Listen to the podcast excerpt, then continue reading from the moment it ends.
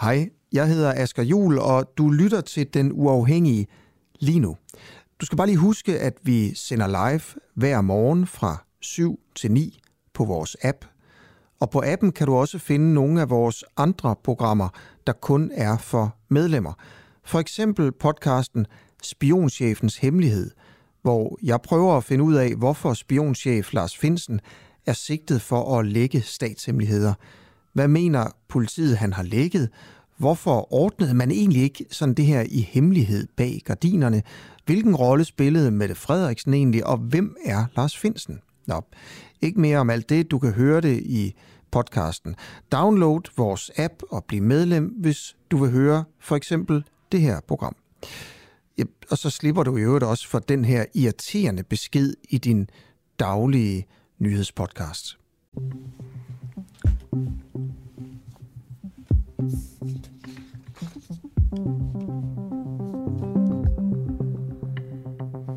Velkommen til en uafhængig morgen med Christoffer Lind.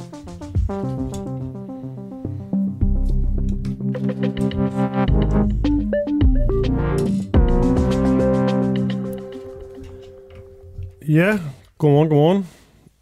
Jeg har simpelthen øh, for en gang skyld sovet sådan virkelig godt. Begge mine unger, de øh, sov igennem, så jeg er voldsomt frisk, nærmest, øh, nærmest overtændt.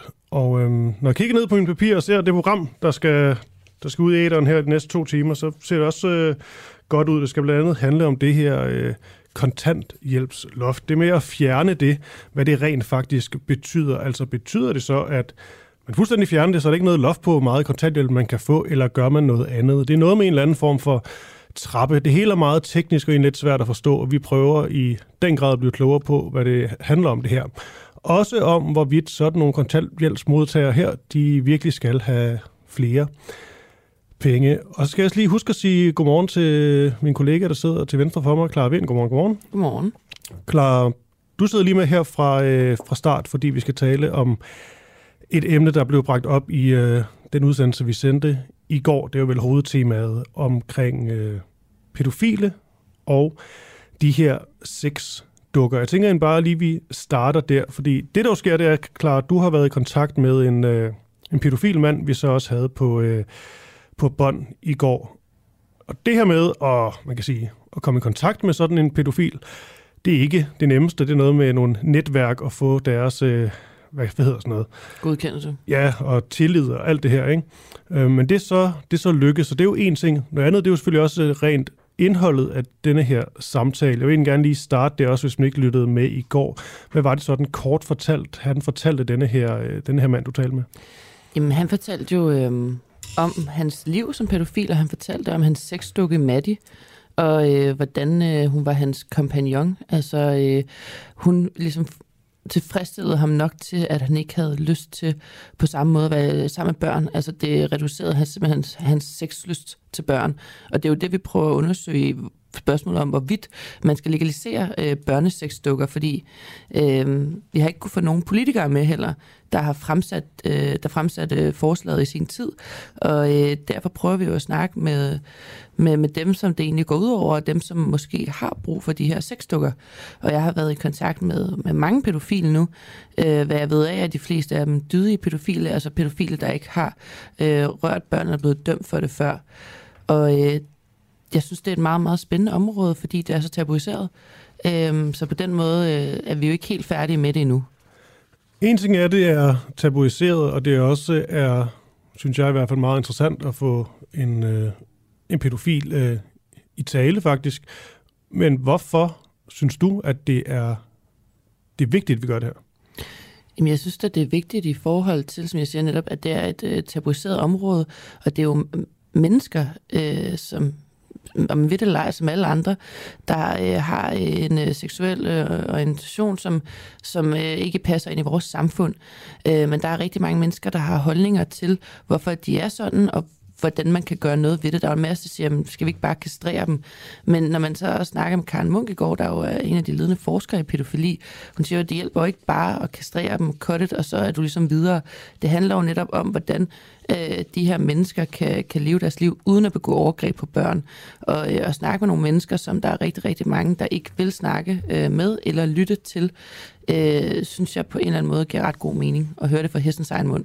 Ja, og vi har, øh, vi har en lytter med om ikke så, så længe til os lige at give, øh, give sit besøg med. Vi vil rigtig gerne have, I, øh, I melder ind i øh, debatten, og en gang imellem, så vil vi egentlig også gerne bede lytterne om at stille op, hvis de har lyst til det, for ligesom at give deres mening til, til kende, så det ikke kun er såkaldte eksperter, der skal, der skal udtale sig. Og bare lige for at sige det, så kan man altså skrive ind til 1245, skriv en sms, skriv DUA mellemrum din besked, sms 1245 DUA, DUAH, mellemrum din, øh, din besked. Og så kan man altså blande sig i, øh, i debatten, om det så er omkring det her emne, eller om kontanthjælpsloftet, vi øh, fokuserer på senere. Det er op til dig. Du kan også gå ind på vores live feed inde på, på Facebook, og øh, ja, kommentere. Der er også et billede på, og, og alt muligt. Men klar tilbage til, øh, til den her historie omkring de her, det her pædofile netværk, og nogle af dem, du så kommer i kontakt med. For du er så kommet i kontakt med flere løbende, og det viser sig jo, at der er ja, flere, der gerne vil, øh, vil tale. Og det store spørgsmål er omkring det her, er vel om sexdukker skal legaliseres. Men vil også blive klogere på de, de her mennesker. Hvem er det, du har været i kontakt med nu? Jamen, øh, jeg har faktisk haft en del pædofil, der har ragt ud til mig. Øh, og det er ikke alle, der er klar til at stå frem på lyd nu, fordi det er voldsomt for dem, og de er jo bange, fordi de bliver genkendt. Og det, det er jo øh, voldsomt at skulle ud og snakke med nogen om, om ting, der er forkerte i vores samfund. Øh, men ham, jeg har snakket med her, han, øh, han kommer fra Holland, og øh, er en mand i hvert fald øh, over øh, alderen 50. Øh, og han er tiltrukket af børn i alderen 3-5 år. Øh, han kan godt lide, hvis de for eksempel har sådan et, øh, altså et babytænder. Altså, øh, du ved, helt tilbage, øh, det er mm. det, han sådan tænder på.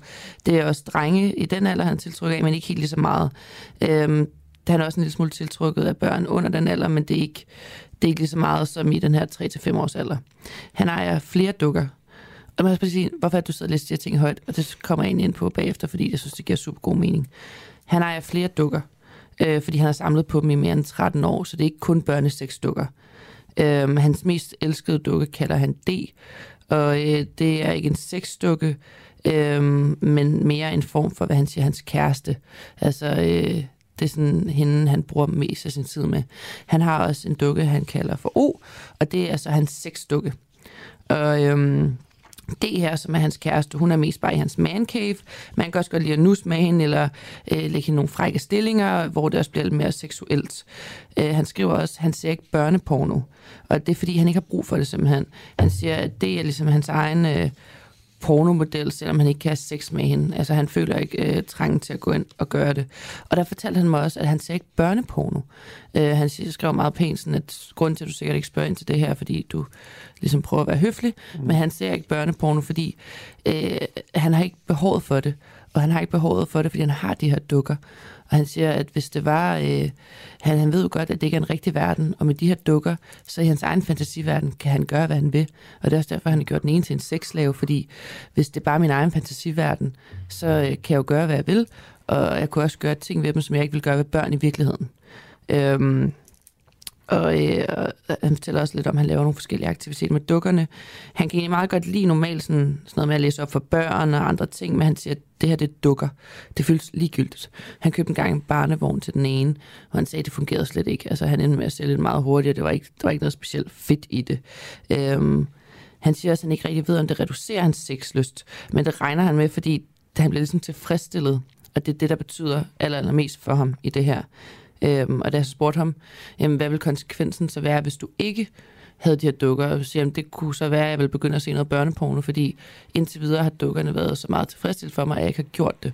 Men havde jeg ikke de her øh, dukker, så ville jeg nok ty til at se noget børneporno. Mm. Øhm, er der egentlig, undskyld, jeg afbryder, er der, er der en lille chance eller frygt for, at vi også på en eller anden måde sådan lidt, går lidt for meget med nogle af de her? Fordi på en eller anden måde, det her med at sige en, øh, en sexdukke, så virker, groft sagt, eller, eller gør, at de ikke begår overgreb mod, mod børn. Det virker også for mig sådan lidt øh, sådan lidt nemt at sige, hvordan man.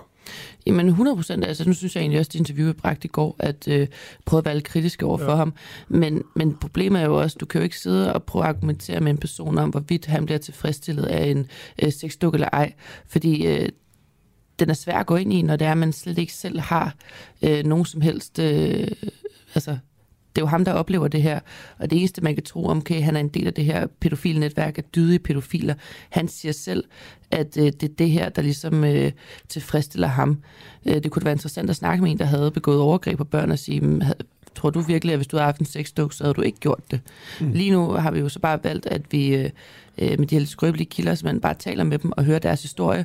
Og så havde vi en forsker på bagefter i går, der sagde, at øh, det var også noget af de samme ting, hun havde set i sin forskning. Ja, og lige om et, øh, et, et øjeblik, øh, klar, du tilføjer bare noget, hvis det er, mm. men lige om et øjeblik, der taler vi med en uh, lytter, der hedder Nette Bak uh, Michaelsen. Jeg vil lige sige, inden det, så... Um, det er bare fordi, jeg synes, det er et spændende, spændende emne. Nu skifter lige et øjeblik, men det er det her med det her kontant hjælps loft. Vi har nemlig Nina Thomsen med klokken 8, der er direktør i, uh, i Møderhjelm, og stiller det her spørgsmål. Er det rimeligt, at den enlige kontanthjælpsmodtager med to børn får udbetalt, og det, så vidt jeg forstår, kan det være op til sådan over 20.000 efter skat uh, i, i offentlige uh, ydelser. Er det, er det rimeligt?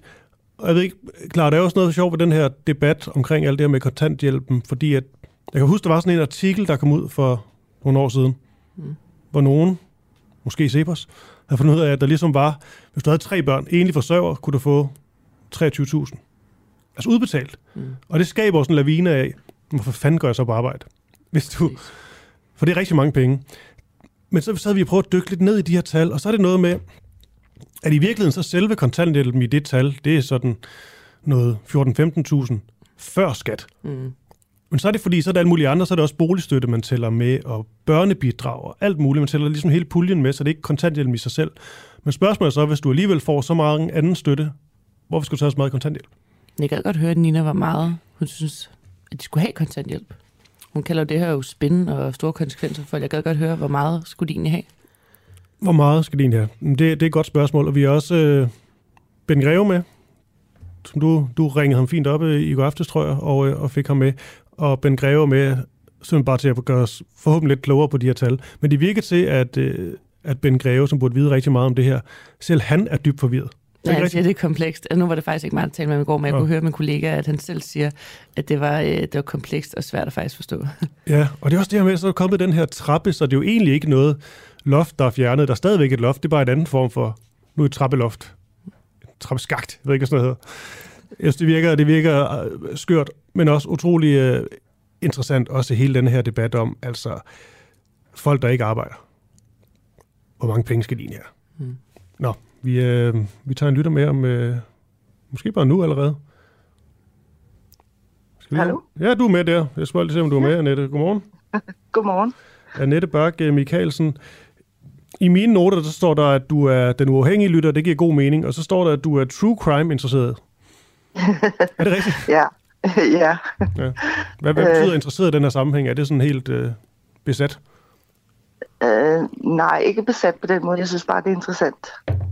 Okay, øhm, ja. Så, og der, man får en del kundskaber, fordi der er øh, specielt en del af de amerikanske, de, øh, de har en del øh, eksperter med, øh, profilers og, og, øh, og psykologer, som, øh, som øh, undersøger, hvorfor folk begår øh, de her ting, som de gør. Og okay. det er meget interessant at høre. Ja. Og du lyttede med til det her interview i, øh, i går, som, øh, som Clara, der sidder siden af mig, øh, begik. Må jeg lige høre, hvad sådan din umiddelbare reaktion var?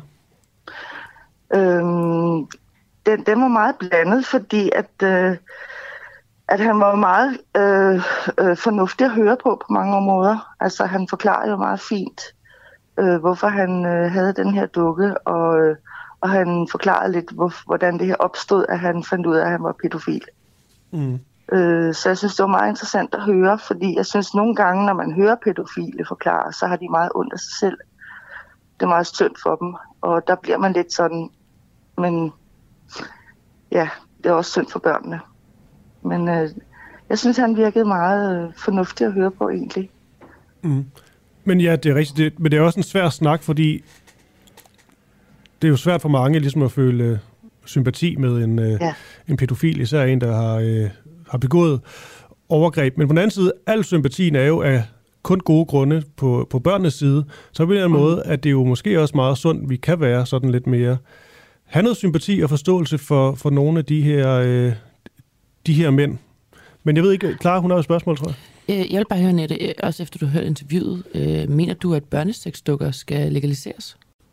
Altså, jeg, jeg synes, at man skal undersøge det mere. Jeg er mere på forskerens side, at øh, jo mere vi forsker i det her, jo mere kendskab vi har til, hvorfor folk gør det, de gør, øh, jo lettere kan vi tage den rigtige beslutning. Altså, hvis vi bare lader følelserne øh, tage over og sige, nej, vi vil ikke øh, øh have noget med det her at gøre, så, så øh, øh, mister vi måske muligheden for at kunne hjælpe de her mennesker, fordi det er jo, der er jo to sider af det her. Hvis, hvis du øh, som pædofil øh, kan få hjælp, øh, enten ved at øh, du øh, får den øh, psykologiske hjælp, hvis man kan sige det sådan, til at ikke begå overgreb, øh, så har man jo hjulpet på den måde. Og, øh, og det her menneske kan, kan leve et fuldværdigt liv, øh, uden at begå overgreb og uden at se porno, fordi at, øh, at se eller sex overgreb på børn øh, på nettet, det er jo også et overgreb.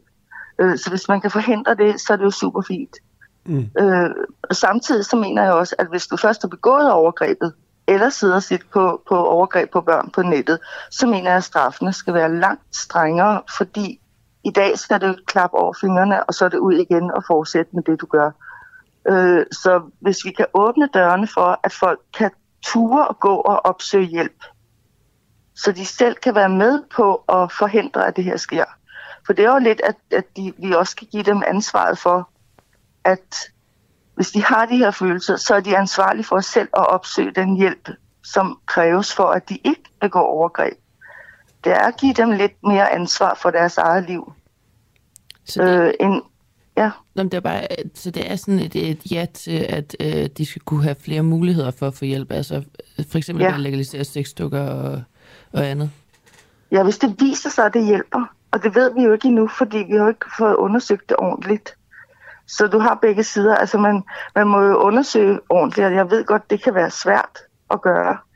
Men det er jo vigtigt at få øh, øh, videnskaben med ind i det, det her, og få tjekket ud, virker det, øh, eller er det bare et skalkeskjul, kan man sige, for at øh, jeg har jo den her dukke, så jeg begår jo ikke overgreb, og så gør vedkommende det alligevel. Det er jo det, man ikke ved. Fordi vi ved jo ikke, hvor ærlige de er i de svar, man, man får, når, man, når, når du for eksempel spørger dem. Hvor ærlige er de egentlig? Øh, fordi det er så tabu, øh, tabubelagt. Øh, så ja, Hvad synes du, straffen skal være for en, der har lavet et overgreb på et barn? jeg synes, vi skal op i øh, omkring de her, øh, hvis du har begået et drab. Fordi du dræber et barn indvendigt. Hvad tænker du egentlig? Så jeg- Ja, undskyld, jeg bare i forhold til det.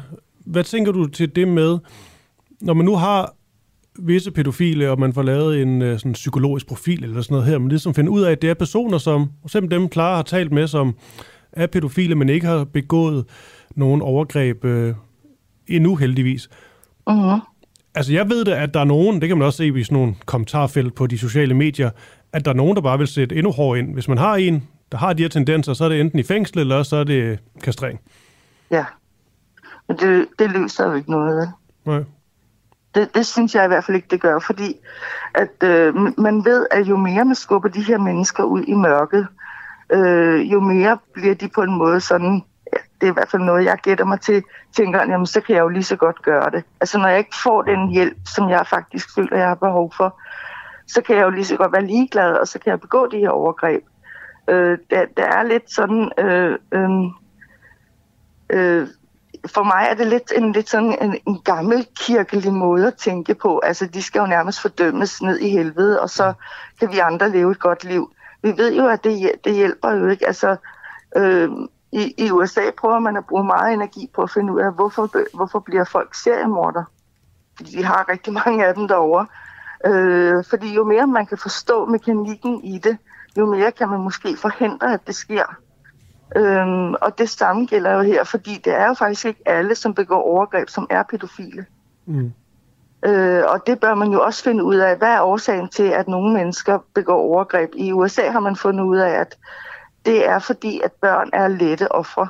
De er lette at tage med, og, og de skriger ikke så højt. Øh, du kan lettere øh, holde dem øh, nede, så det ikke bliver opdaget. En, en, en voksen kvinde kan være lidt vanskeligere at tage med. Hvis du vil begå et overgreb, så er et barn jo let tilgængelig. Men det er ikke fordi, de nødvendigvis er pædofile. Nej. Det var fordi, det var der tilfældigvis der. Okay, ja. det er det, vi gør. Okay. Så, så det er jo, man må prøve at, at finde ud af, hvad, hvem er de, hvis man kan sige, de rigtige pædofile, og hvem er det, som måske er skadet på en måde, så de vil begå overgreb på enten, ja, hvem de vil. Absolut. Annette Bak Mikkelsen hedder du. Øh, Ja. øh, tak for den her også gode øh, sidste pointe med, at det er jo ikke alle øh, overgreb begået mod børn, som rent faktisk bliver begået af, af pædofile. Det synes jeg er en, det er en, god, det er en god spændende pointe. Den tager vi med videre. Øhm, du er, Jamen, er lytter her på DUA, og tak fordi du gav dit Ja. øh, kloge besøg med. God dag. Jamen, det var, det var så lidt i lige måde. Tak, tak. Ja, hej. Hej. Og klar, jeg tænker lige en ting. Jeg ved ikke, du kan stille de spørgsmål videre. Jeg, bare, jeg ved godt, det lyder voldsomt, ikke? Mm. Og sagde kastration og sådan noget. Men på den anden side, Jeg kunne, spurgte ham i går. Jamen det er det, og det er jo, og det er, jeg synes bare, det er så reelt et spørgsmål, fordi at hvis du fjerner den her seksuel drift, det kunne vel også komme, altså tænker man, det er jo et voldsomt indgreb i et andet menneskes liv, men på den anden side, det kunne vel også gøre et eller andet godt. Det, det er jeg bare skal tage det spørgsmål videre. Ja, men jeg spurgte ham faktisk i går, Ja. og øh, jeg tror egentlig ikke, man er helt sikker på, hvor meget det egentlig virker. Nej. Altså, øh, som du også siger, det er voldsomt at fjerne en persons øh, sexlyst, Ja, det. men man er også i tvivl om det overhovedet virker. Altså, det er jo sådan ligesom, hvis man tog øh, en homoseksuel eller en anden og sagde, nu fjerner vi lige din lyst til et andet menneske. Virker det, eller virker det ikke? Ja. Ja, jamen det er, Men jeg skal nok øh, spørge 100%. ja, det er også bare, fordi jeg har set de her kommentarer fra folk. Mm. Øhm, og man skal, dem op og hænge dem op. ja, det er det, man skal ikke og- glemme. ja. Altså, der går virkelig sådan noget lønstemning i, mm. Mm. i folk, når det kommer til, til det her spørgsmål. Jeg ved også, at ham, jeg interviewede, har været inde og kigge på kommentarerne. Fordi han var interesseret i at se, hvordan det blev modtaget. Hold op. Nå, vi, vi taler videre i morgen, gør vi ikke? Jo. Godt klar. God dag.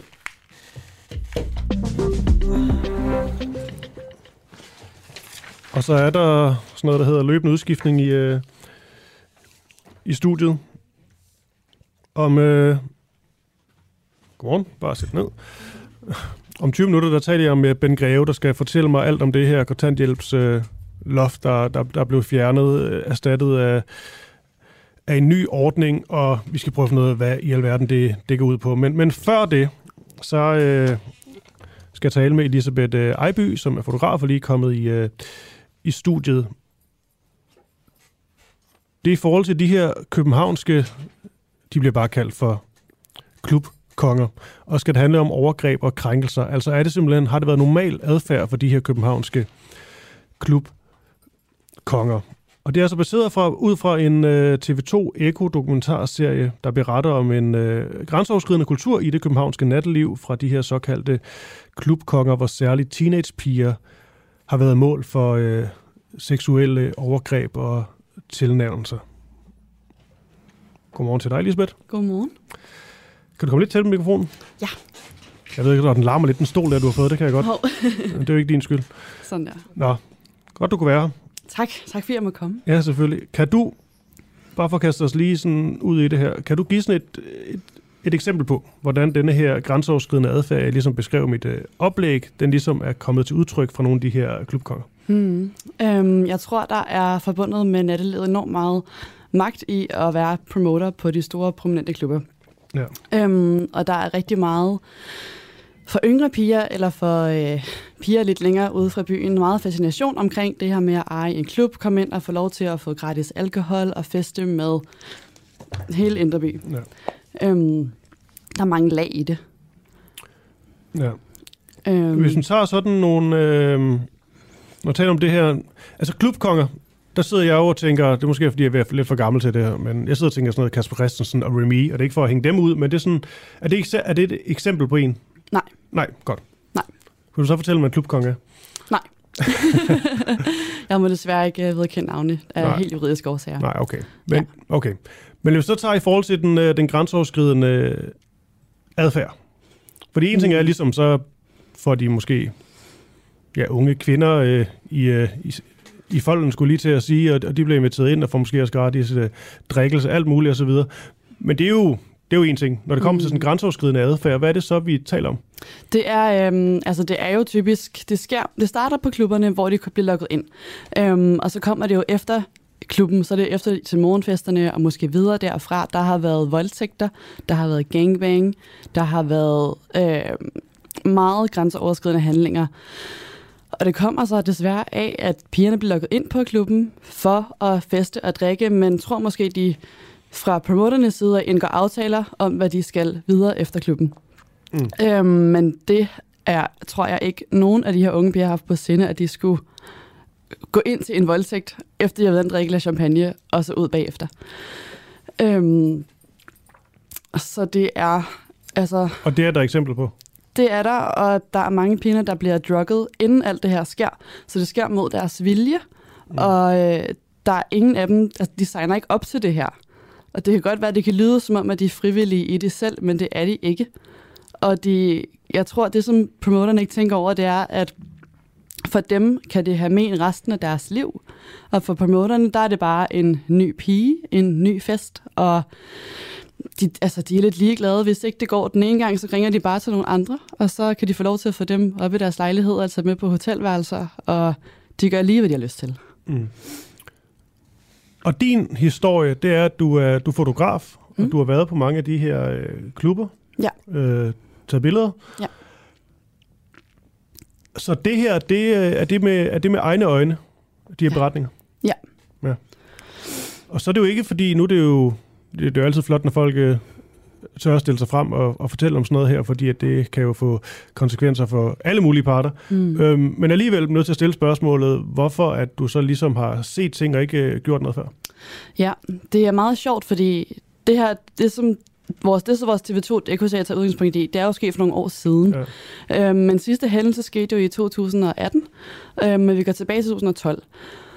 Og dengang, det var ligesom på sit max med de her rygter, som jeg tipper har været fra 14-15 af. Der blev det lidt en rygte ting, mm. at der var så mange historier.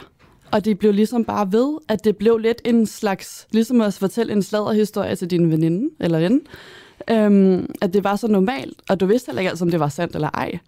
Og de piger, det gik ud over, hvis ikke du kendte dem, så var det ligesom, jamen, det kunne også være, at hun bare havde sagt det for at fortælle noget om den her person. Mm. Så det var ligesom lidt, altså, vi hørte jo vi hørte det, men det blev bare så, det blev så normalt, hvilket er frygteligt, at der ikke var mm. nogen, der gjorde noget. Hvorfor jeg er så glad for, at efter to års arbejde, der endelig bliver sat fokus på det i dag, fordi der er mange af de her, der bliver omtalt, som stadig gør de her ting i dag. Og øh, der, altså, det er bedre nu, at, der bliver, at det bliver rykket på et eller andet nu, end slet ikke, for de skal ikke have lov til mm. at gå videre med det her. Mm. Men har du set noget, og det er ikke fordi, I behøver at gå i, i, i detaljer, men har, har, du, mm. har du set sådan flere sådan konkrete tilfælde af grænseoverskridende adfærd på øhm, klubber?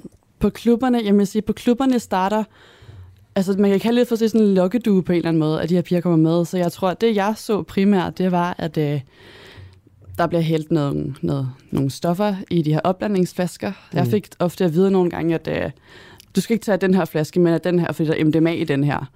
Og, og for mig blev det lidt normaliseret, at sådan, jeg vidste det godt, men jeg har aldrig taget stoffer selv. Mm. Så jeg vidste ligesom, at okay, de her brugere, de gør den her ting. Det skal jeg ikke, det skal jeg holde mig væk fra. Øhm, men så jeg var meget opmærksom på det. Øhm, så jeg har selv været til nogle morgenfester, hvor at man godt kan mærke, hvor at stemningen kan begynde at dreje henad. Mm. Og når den er begyndt på det, så er jeg, så har jeg trukket mig. Øhm, og det er ikke, altså, de er meget magtfulde, de her mænd. Mm. Og de er meget sådan, altså, man bliver ret hurtigt påvirket af dem, og man vil heller ikke rigtig, altså, du ved ikke, hvad der kan ske bagefter, hvis du siger dem imod, eller gør et eller andet i det. Så det, men for mig, min egen rolle, har jeg nok også været nødt til at prøve at være professionel, men stadig øh, kunne sige med øjnene næste uge, når jeg skulle arbejde for dem igen. Mm. Ja, som jeg, jeg i hvert fald fra mine noter kan læse, så er der tre kvinder, der, der fortæller, at de er blevet øh, voldtaget, og tre andre, der fortæller, at de er blevet udsat for anden form for seksuelt øh, overgreb. Og det er også bare for at sige, at det jo i godsøjne ikke bare er sådan en, altså, en grooming eller forsøg at få nogle unge piger til at være, være sammen med dem. Altså, der er også anvendt øh, decideret magt i vist tilfælde. Mm. Øhm, Men alligevel er det vel ikke noget, man... Nu nævnte du også det her med de her sladderrygter og sådan noget. Mm. Øhm, det kender jeg da også fra den her mediebranche. Så Ja. går der alle mulige sladder. Så er også lidt i tvivl om, om det er bare sladder det her, eller om det, det er virkeligheden, som man måske så egentlig bare øh, nægter at indse, eller et eller andet. Ja. Øhm, men det er vel ikke noget, der har været fremme før, tænker jeg. I hvert fald ikke i så stor skala her. Nej, det har det ikke. Og øhm, ovenpå i går, hvor dokumentaren kom ud, så har vi fået endnu flere henvendelser. Og telefonen var rødglødende i går. Også privat, Rosalina og jeg, som står meget frem i første episode. Ja. Vi, altså, vi blev væltet af beskeder på alle sociale medier fra piger, som også har noget at fortælle os. Og det har været rimelig, altså ret intens at opleve det også, hvor at vi de sender dem videre til vores redaktion, så de kan tage hånd om det. Øhm, men vi har ikke kun, altså vi har været i kontakt med mange flere piger end dem, der står frem, men fordi der er mange piger, som stadig er i det her miljø, har de ikke lyst, eller er de bange for mm. at stå frem den dag i dag. Men vi har, altså, de har snakket med over 100 piger, og det her det er så den lille bitte kerne af dem, der vil fortælle deres historie, hvor mange er blevet anonyme. Et par står frem med ansigt. Og så er det selvfølgelig også, øhm, og det er jo ikke for ikke at tro på alle dem, der, der, der også melder ind nu, men det er jo selvfølgelig også at så få øh, finde ud af, hvorfor det ikke er blevet, blevet meldt, hvor troværdige de her historier er og sådan noget, fordi det er jo også, når der en sag først ruller, så er der, Ja. ja. vil der også være nogen, der, der måske hopper på, på vognen, uden mm. der, der er så meget belæg for det. Men hvad er din, sådan, dit indtryk? Øh, er det, at der gemmer sig rigtig mange sager, som ikke er blevet dokumenteret? Det er det helt sikkert. Og jeg, altså jeg husker så tydeligt fra, fra den gang, at øh, man så jo nogle gange nogle, altså man så en masse videoer, og man så en masse, altså sådan, ikke private sociale medier, men man fik sendt en masse videoer. Der gik også nogle gange en video på omgang, ikke til mig, men man så hos der er mange drenge, der fik sendt rundt. Og der, ble, altså der, bare, der blev ikke snakket om det, og det, eller der blev ikke gjort noget ved det, og det var ligesom, altså jeg er så, altså jeg synes, det er så ordentligt, at det her, det kommer på snak nu. Mm. Øhm, for jeg ved, der er mange flere historier. Mm. Og jeg ved selv om flere historier, som ikke er kommet frem endnu. Og jeg ved også, for jeg kunne nævne så mange mænd, der har været med til det her, som heller ikke bliver omtalt. Så der, det her, de her fem mænd, det er også kun fem ud af meget, meget få. Mm. Og jeg, jeg ved, at der har gået rygter om den her dokumentar i et års tid. Og der ved jeg, at der er mange, der har gået og været nervøse for, om det skulle handle om dem. Øhm, hvilket jo er lidt, lidt, lidt sigende, Mm. at øh, ja, der er Ja. mange, der tænker.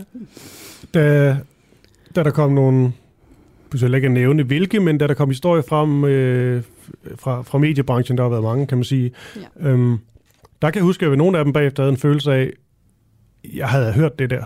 Jeg tror egentlig også, jeg vidste noget. Øh, hvorfor ikke sagt noget? Mm. Altså, der var også lidt sådan en kollektiv chok over den her sådan, Nå ja, men man kunne jo også bare have været den, der skrabet op, eller tur og, og sige noget. Øhm, det gør du så nu. Øhm, men er der alligevel en del af dig, der også har lidt dårlig samvittighed over, at, det, at du måske holdt inde med noget? Ja, Ja. det er der 100 procent. Og jeg kan huske, jeg så øhm, sidste uge var jeg inde og se dokumentaren for første gang, hvor jeg også så pigerne, der var med for første gang. Øhm, der var så to af dem, jeg havde set før, hvor jeg kunne huske, den ene havde gået ud, siden hun var meget, meget ung. Og jeg kan huske, jeg sagde til hende, at jeg tænkte på hende dengang, at hun var for ung til at være her. Og jeg næsten gik og håbede på, at hun ikke gik alene hjem, men kom sammen med en veninde, mm. som hun også gik ud med. Øhm, men jeg følte også lidt min rolle som fotograf på klubben. Jeg arbejdede jo. Øhm, jeg havde lidt en rolle, synes jeg selv. Jeg påtog mig i at også passe på de piger, der kom ind for første gang. For man kunne godt fornemme, om de kom der ofte, eller om de var nye. Og når de var nye, var de oftest måske en gang imellem i hvert fald lukket ind af de her promoter. Øhm, så jeg følte lidt, at jeg havde lidt ansvar en gang imellem, til at måske prøve ikke at få dem over til det her bord her, hvor jeg godt vidste, hvad der eventuelt måske kunne ske bagefter. Øhm, men du kan ikke styre det, fordi når du får alkohol, og der er fester, og der bliver sagt noget, så er det ude af dine hænder. Mm. Men jeg, altså, jeg har, altså, jeg føler mig sådan helt, åh, jeg vil ønske, det havde været på tale før. Ja. Og der kommer, vi, vi skal til at slutte nu desværre, men der kommer øh, mange beskeder ind. Det viser bare folk, de, øh, de synes, det er et interessant, øh, også skræmmende sag, det her, tror jeg. Mm. Men mange af de her spørgsmål, der sådan går igen, kan se, det er sådan noget som, hvad er bevæggrunden for først at træde frem nu? De burde da have reageret med, med det samme. Men der tænker jeg egentlig, at, at vi som et journalistisk medie her måske selv kan prøve at få kontakt til en af de her mm. de unge kvinder og spørge dem, fordi at det er jo det er jo de spørgsmål, der altid melder sig i sådan nogle ja. sager her. Jeg ved, at der er nogen, der har prøvet at politianmelde okay. hændelserne, øhm, men det er så ikke rigtig rådet videre, og fordi at dem, der har gjort tingene, de har jo benægtet helt vildt meget, og de har ikke vildt stå ved det. Øhm, og fra mit eget perspektiv, da jeg er begyndt at høre om rygterne, arbejder jeg jo stadig for de her mennesker. Og øhm, ja, altså, jeg vil jo gerne have mit arbejde stadigvæk, men jeg synes, det var helt det var forfærdeligt, hvad der foregik. Mm. Øhm, der, det var så alle dem, det handler om, er heller ikke alle dem, jeg arbejdede for. Øhm, og du ved igen, når du føler, de har en eller anden form for magt, du er lidt sådan, kan jeg gøre noget? Altså, jeg er bare en pige, og dengang var det meget sådan, okay, jeg er en pige, du er en ældre mand. Mm. Er det ikke dig, der burde være klogest? Og altså, ja, der er, mange, der er så mange lag i det. ja. Jeg kan lige slutte med øh, en lytter, der hedder Jarl, der skriver, jeg håber, at øh, pigernes mødre og fædre lærer, deres, lærer dem at optræde mm. med yderste forsigtighed og ikke lade sig fascinere netop disse typer, som måske netop har disse triste karaktertræk. Lad os bare slutte med den, øh, Elisabeth øh, Ejby, fotograf, og så øh, det er sige en af hovedrollene i den her nye øh, ekodokumentarserie, men det er altså bare ind og ind og se, ind og se den. Og, man, og der kommer nye afsnit. Der kommer nye afsnit i morgen, og i overmorgen, og på tirsdag. Super. Tak, yes. tak for besøget. Tak, tak.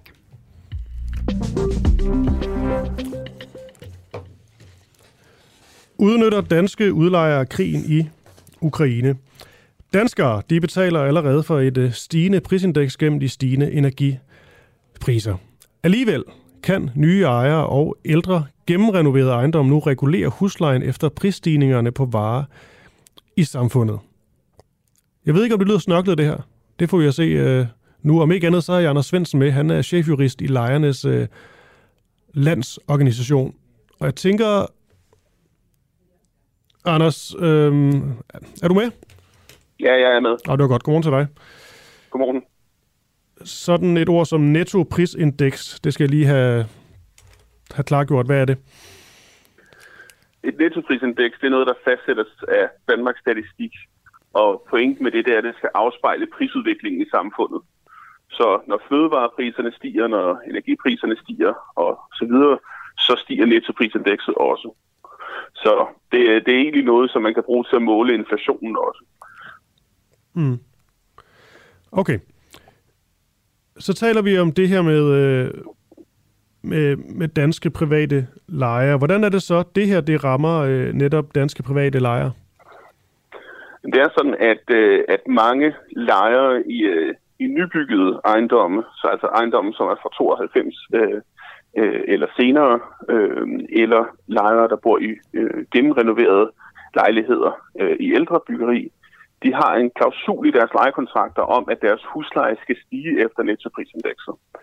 Så det vil altså sige, at deres husleje skal stige, som inflationen stiger. Øhm, og der er, der er det så sådan, at en stor del af det, som bærer øh, inflationen lige nu, det er energipriser.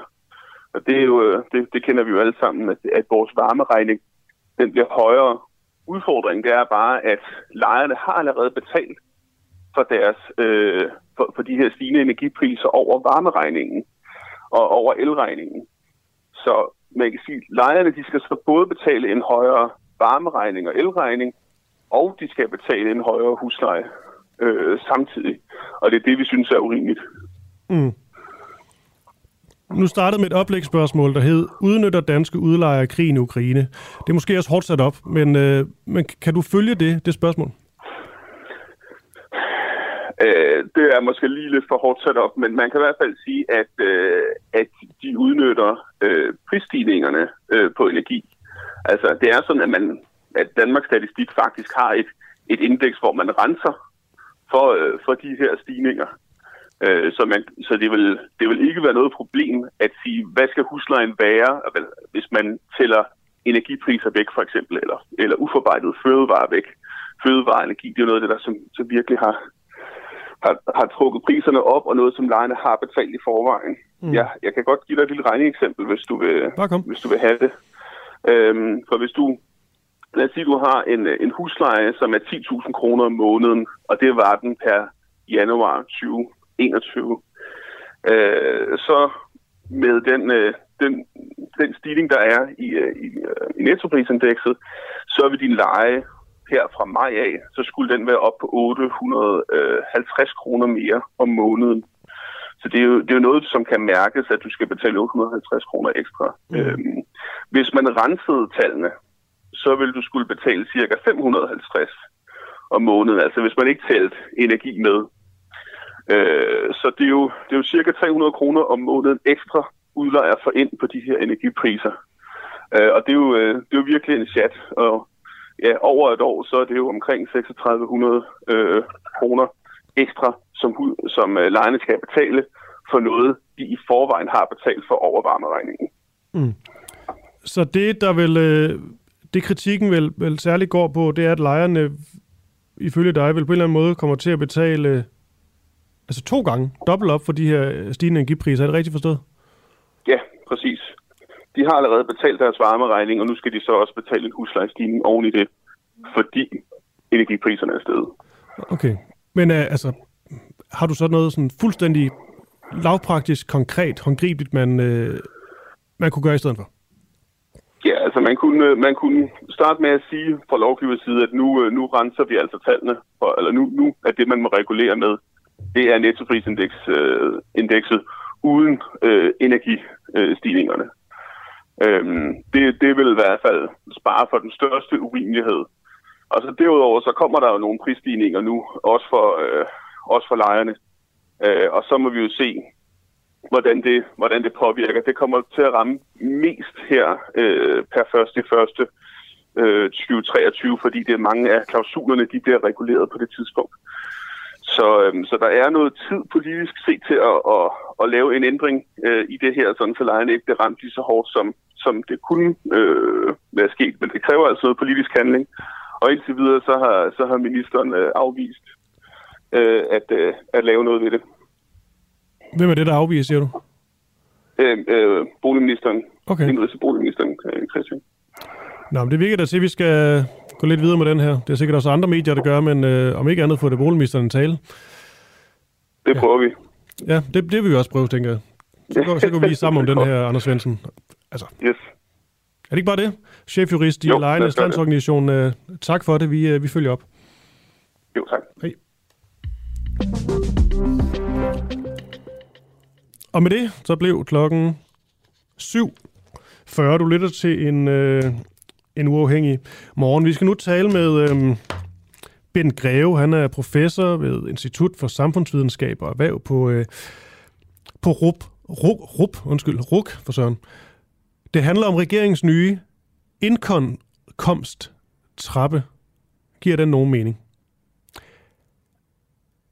Indkomsttrappen her, det er, øh, det er den, der ligesom skal erstatte det, øh, det her kontanthjælpsloft, som nu er blevet øh, afskaffet efter øh, øh stort politisk pres. Det var en af SF's helt store øh, mærkesager.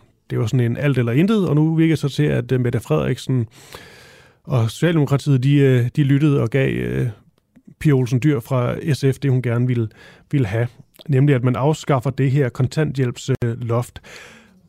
Så sad jeg og tænkte først, da jeg hørte det, Nå, men så er det så afskaffet så er der ikke noget loft på, hvor meget kontanthjælp man ligesom kan, kan modtage. Der er selvfølgelig en, en sund fornuft, der, der, vil, der vil regulere det på en eller anden måde, men ikke det her, øh, det her loft, der har været før. Men så læser jeg så, at der alligevel er et ret klart loft, og det er fordi, man har erstattet det med sådan en såkaldt indkomsttrappe, og det er det, jeg håber, Ben Greve gør os lidt, øh, lidt klogere på, for jeg synes, det er svært. Godmorgen, Bent. Godmorgen. Når jeg siger... Det tror jeg godt, jeg kan. ja, okay, lad os bare, skal vi så ikke starte ved indkomsttrappen? Hvad er det? Men, men det er, altså man kan, inden man når det, så skal man huske på, at der jo for alle vores sociale ydelser faktisk er et loft. Altså der er et loft over, hvor meget man kan få i folkepension. Der er et loft over, hvor meget man kan få i arbejdsløshedsdagpenge, sygedagpenge osv. Mm. Så, så ordet loft har måske virkelig været misvisende. Det, der er forskellen på det gamle og det nye system er, at man ikke laver en samlet øh, beregning af, hvad man også kan få i nogle andre ydelser. Nu laver man det i en trappe, som det hedder, og den siger så noget om, hvad kan man få øh, i kontanthjælp, hvis man er på de forskellige typer ydelser. Den starter med laveste, det er det, som hedder øh, udrejse og hjemrejseydelser, hvad det nu hedder. Og så kommer der en for dem, der er under øh, 30 år, øh, og så kommer det, det der i dag hedder uddannelseshjælp for mange, og så kommer de der, dem, der er over 30 år, og så er der så dagpenge som næste. Og det, der måske virkelig er den største forskel her, er, at der er nogle giver nogle bedre økonomiske muligheder for kontanthjælpsmodtagere i faktisk at arbejde ved siden af i forhold til det, som, som de gør i det nuværende system. Fordi det man så siger, at det der i trappen også kommer ind, så kan man arbejde og tjene nogle penge op til for, for nogen øh, under 2.500 kroner om, om måneden, og for dem over 30 år op til 5.000 kroner om måneden. Dog maks, siger man. Altså, så her, det her, de her 30 kommer ind, fordi så kan man, man under 30 år arbejder, øh, tjener 2.500 mere om måneden, så kan man nå op på 85 procent af dagpengene, som de er i dag. Og det vil sige, at så kan man op på øh, som ledig øh, altså kontantsmodtager, der arbejder to på tjener de der penge, som jeg nævnte før, så kan man op og få 16.500 cirka om, om måneden, hvor en ledig i dag i dagpenge får cirka 19.400. Og er man over 30 år og arbejder og tjener op til, til 5.000 kroner om måneden, så skal der ske en aftrækning bagefter, så kan man samlet set maksimalt dagpenge og indtægt på arbejdsmarkedet få svarende til, altså i kontanthjælp og arbejde på arbejdsmarkedet, få svarende til nu en dagpengesats ca. 19.400 kroner. Så den store forandring er, at der, den anden store forandring, det er, at noget af det her konverteret til tilskud øh, til børnefamilier. Og når det er sagt, så får at også øh, måske være endnu mere præcis, at beskæftigelsesministeriet har selv skrevet og lavet det, de kalder et overblik over, hvordan at øh, folks rådighedsbeløb ændrer sig, og det er virkelig ikke ret meget, at det, det her rådighedsbeløb for familien faktisk ændrer sig med de nye regler. Den, den kan man sige, person, der får mest ud af ændringen i rådighedsbeløbet ved aftalen, er den enlige med et barn, som får en månedlig stigning i sin disponible indkomst på 1.050 kroner. Så til det, og mange andre grupper, alle, alle par, der er det maksimale, de får mere om måneden øh, af 400 kroner, og nogen får endda, den der har fire børn, 50 kroner mere om måneden. Så det er, det er slet enige med børn, der sådan set får den, får den bedste mulighed ud af det her, og får mest ud af det her. De andre gør det ikke, og det samlet set er ikke nogen voldsomt stor beløb. Det er også derfor, at den, den samlede udgift på denne her ændring, de her forslag ligger her, er cirka en halv milliard kroner. Okay, men jeg kan egentlig, øh, jeg vil sige, jeg kan sagtens høre, hvad, hvad du siger. Jeg spørger lige, der er sådan lidt, øh, øh, eller med, med lyden, jeg ved ikke, hvis du kan gå hen til et vindue eller sådan noget, det hjælper nogle gange med... Ja, ja, ja jeg er faktisk tæt på et vindue. og det er også okay, jeg kan godt høre, du siger, det er bare lige for at optimere lyden lidt. Jeg skal bare... Ja, det gør jeg. Jeg går, jeg går, jeg går længere herover, så. Ja, Super. nu er til på mit Super, Jamen, det er perfekt. Vi skal lige prøve at have nogle sådan, se om vi kan komme ind på nogle, nogle konkrete tal, men jeg skal bare lige forstå, fordi jeg ved, der er mange, i hvert fald, jo, nok også inklusive dig selv, altså der også synes, at det her med kontanthjælp, når man ligesom, at det kan være noget svært at forstå de her, de her tal, fordi altså det, det bliver meget rodet, synes jeg i hvert fald. Nu tager jeg måske bare mig personligt i stedet for. Jeg fandt et tal, der ligesom var, at under kontanthjælpsloftet og med det midlertidige børnetilskud for en enlig forsørger på kontanthjælp med to børn, der kan man få udbetalt 20.600 måneden i offentlige ydelser efter skat i 2021, og så var der 1.900 middel, fra midlertidigt børnetilskud. Øhm, og så er der nogen, der, øh, kan huske, der kunne blive meget farvet over det her, øh, over at man kan få så mange penge for, hvorfor så overhovedet gå, gå på arbejde. Men så var Brinken så fra flere, at, øh, at det jo ikke er kontanthjælp alene det her. Det er jo ligesom, der er taget sådan en samlet pakke. Det er også boligstøtte, og det er alt muligt. Så jeg prøver bare at finde ud af, hvis vi bare lige tager det, der har været kontanthjælpen sådan alene. Hvis nu siger en enlig med enlig forsørger med to børn, hvor meget er det så ved, jeg skulle til at sige det gode gamle kontanthjælps loftstider, men hvor meget var det så, at man kunne få sådan max i kontanthjælp? Øh, øh, altså man kan sige, at hvis man var fyldt 30 år og forsørger for børn, ja, så var det maksimale, man kunne få, så det, man kan få i kontanthjælp nu her i 2022, det er 15.500 om måneden.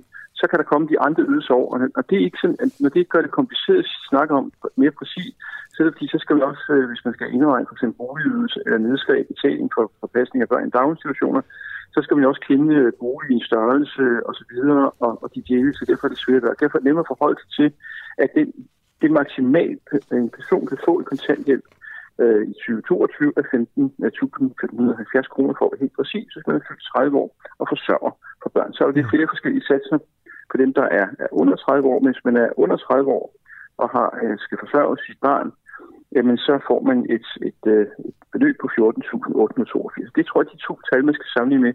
Men det er også derfor, jeg brugte de andre eksempler ja. her, som, som beskæftigelsesministeriet alene siger, fordi det interessante er jo i virkeligheden, hvad har du tilbage, når du har betalt øh, skatter, øh, hvad er de disponible månedlige beløb, hvordan ændrer det sig ved den nye aftale her i forhold til den, til den gamle aftale. Og der er derfor, man kan sige, at der, der viser tallene så, at dem, der i virkeligheden har den, den største gevinst, og det er, skal selvfølgelig også sige, at det ikke lyder måske meget for os andre, 1050 kroner om måneden, så er 1050 kroner om måneden, det er meget for en enig forsørger med to børn, fordi det kan betyde, Øh, at, at børnene får mulighed for at holde en børnefødselsdag, deltage i fritidsaktiviteter. Det skal de godt nok dokumentere. Det kan måske være lidt administrativt bøvlet. Men det ved vi faktisk, at noget af det, der er vigtigt for børn, der vokser op i familier, om man så skal kalde det dagindkomstfamilier eller under fattigdomsgrænsen, det er jo en, en smagssag Øh, de er virkelig et af de store problemer, at de kan ikke gøre det samme og få de samme muligheder som andre børn. Og hvis man skal have en god opvækst og skal være i stand til at få en uddannelse senere, så er det faktisk ret vigtigt, at man kan være sammen med sine kammerater og kan deltage i en række de samme aktiviteter, som andre på ens alder rent faktisk kan deltage i. Mm. Okay.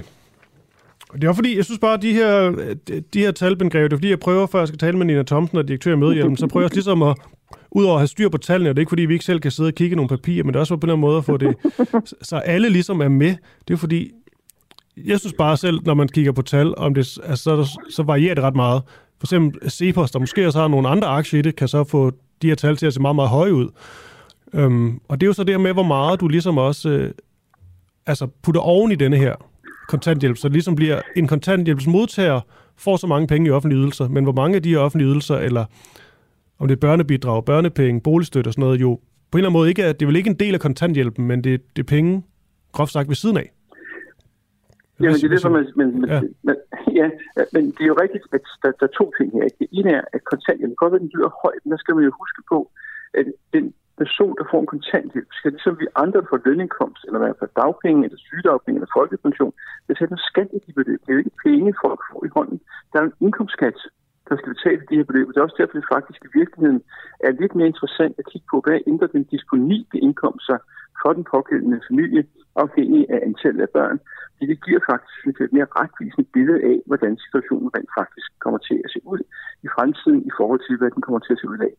Og dertil kommer, og det er måske også det, der har været et af problemerne i det selv det nuværende kontanthjælpssystem, Altså, der er simpelthen så mange forskellige satser, afhængig af en situation, afhængig af, at man har en uddannelse, afhængig af, at man er hjemmeboende, udboende, hvis man er under 30 år, afhængig af, at man er forsørger eller ikke forsørger, afhængig af, at man er den hjemrejse- og udsendelsesydelse, eller man er almindelig kontanthjælp. Så der er i dag så mange satser, at systemet i virkeligheden har været, mm.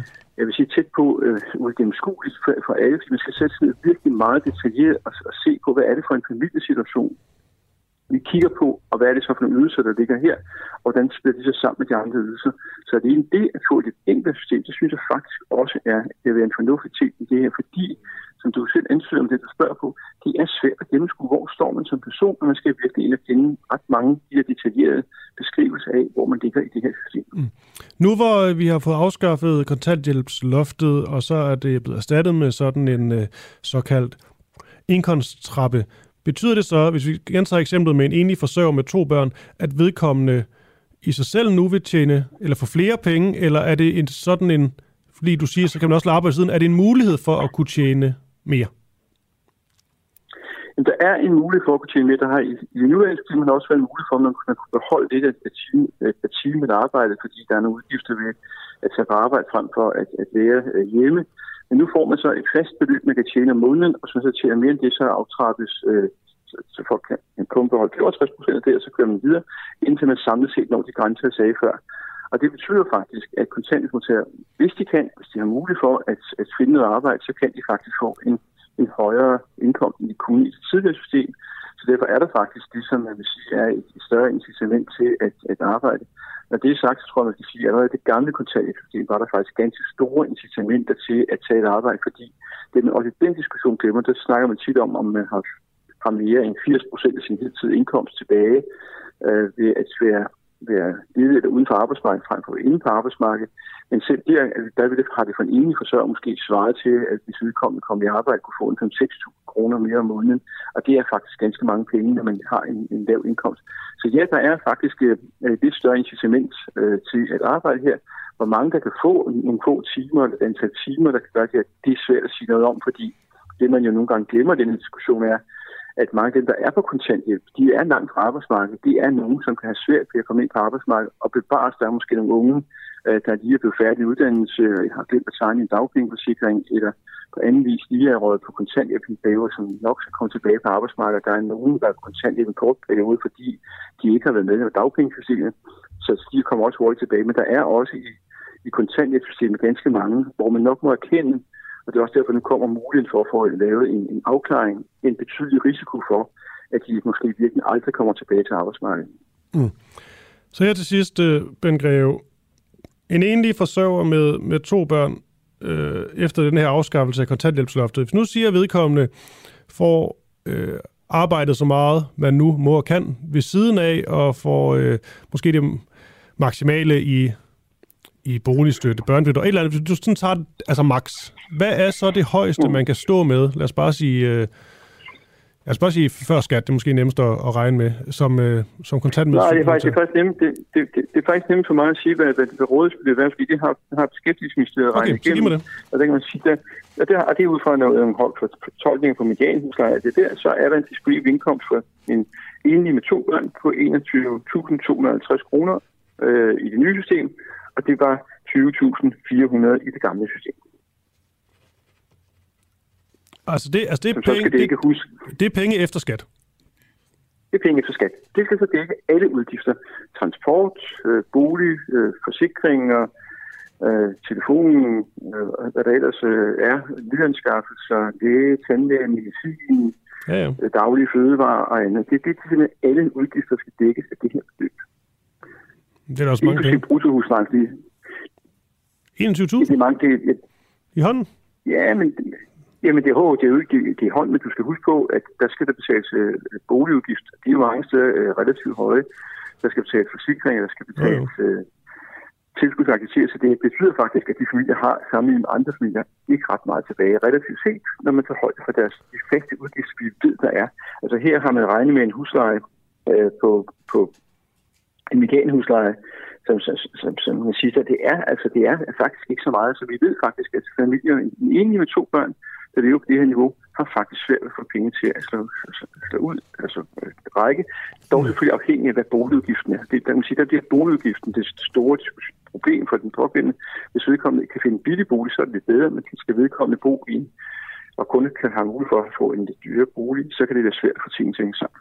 Okay, Ben Greve, tak for det. Professor ved Institut Velkommen. for Samfundsvidenskab og Erhverv på RUK. God dag. I måde. Tak. Christian Henriksen, øh, kollega her på, øh, på Den Uafhængige. Jeg vil egentlig bare lige sige uh, godmorgen. Godmorgen.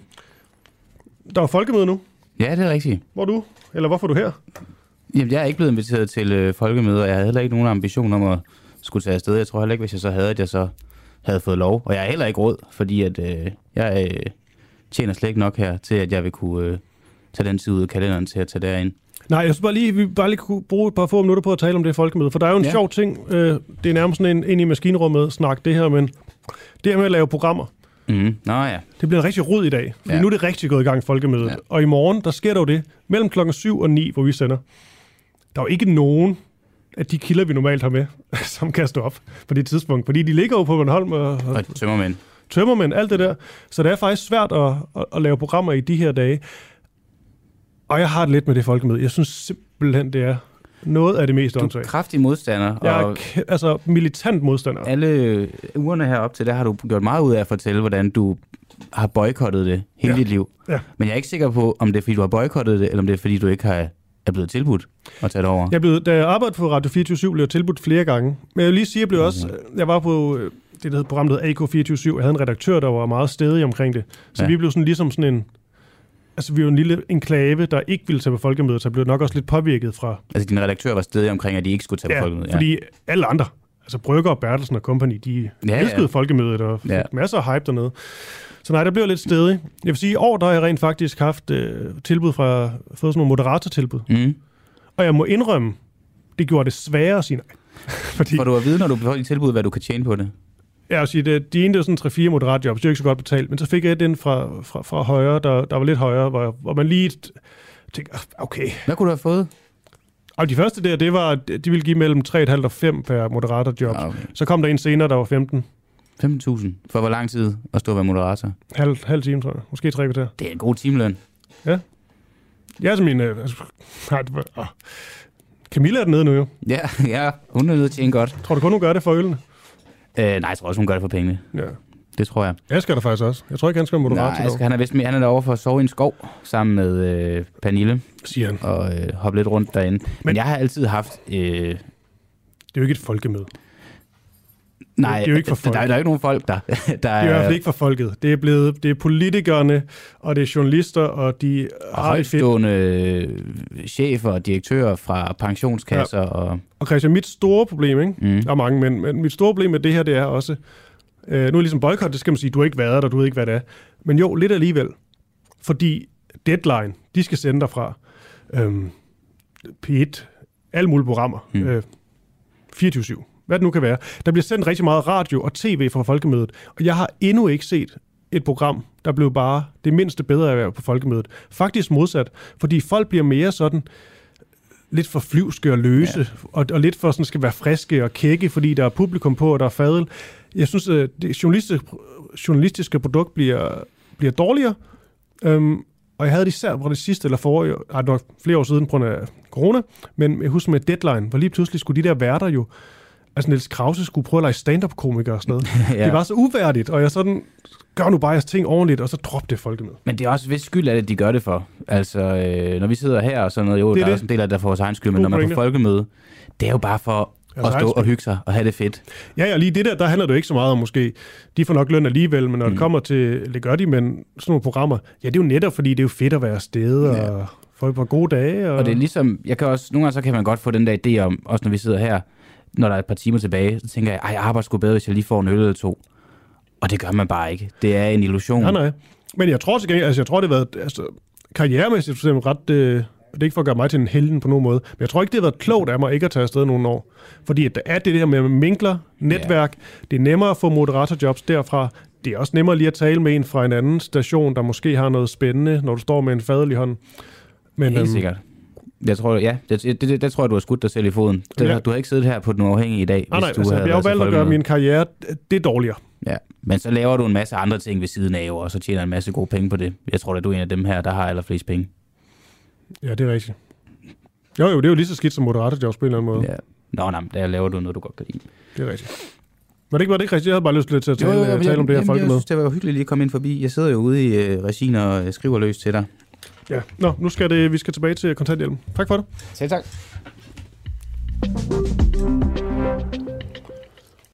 Hej, du lytter til Den Uafhængige på podcast. Husk, at du også kan lytte med, når vi sender live hver morgen kl. 7. Download vores app, Den Uafhængige, og tryk på play-knappen. Det er helt gratis.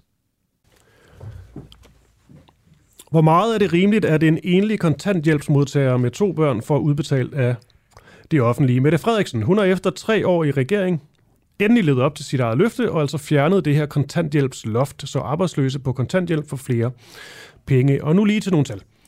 Under kontanthjælpsloftet og med det midlertidige børnetilskud, der får en enlig forsørger på kontanthjælp med to børn udbetalt 20.600 kroner om måneden i offentlige ydelser efter skat i 2021.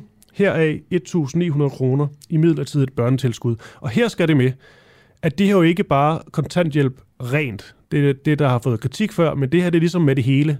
Børnebidrag, boligstøtte osv. Og øhm, nu er der så kommet sådan en øh, afskaffelse af det her kontanthjælpsloft, og spørgsmålet om det er en, øh, det er en god idé øh, eller ej. Nina Thomsen er direktør i øh, Møderhjælpen. Godmorgen til dig. Godmorgen. Lad os bare starte med den, øh, den nye ydelse, den her indkomsttrappe, tror jeg, man kalder det, øh, til enlige forsørger. Er den, øh, er den høj nok ifølge dig? Jamen, jeg, jeg vil sige, jeg synes, det giver god mening at have en, en indkomsttrappe. Og jeg vil også bare sige, før vi lavede den her, eller før regeringen lavede den her reform, jamen, så var der også mange forskellige øh, kontanthjælpslofter.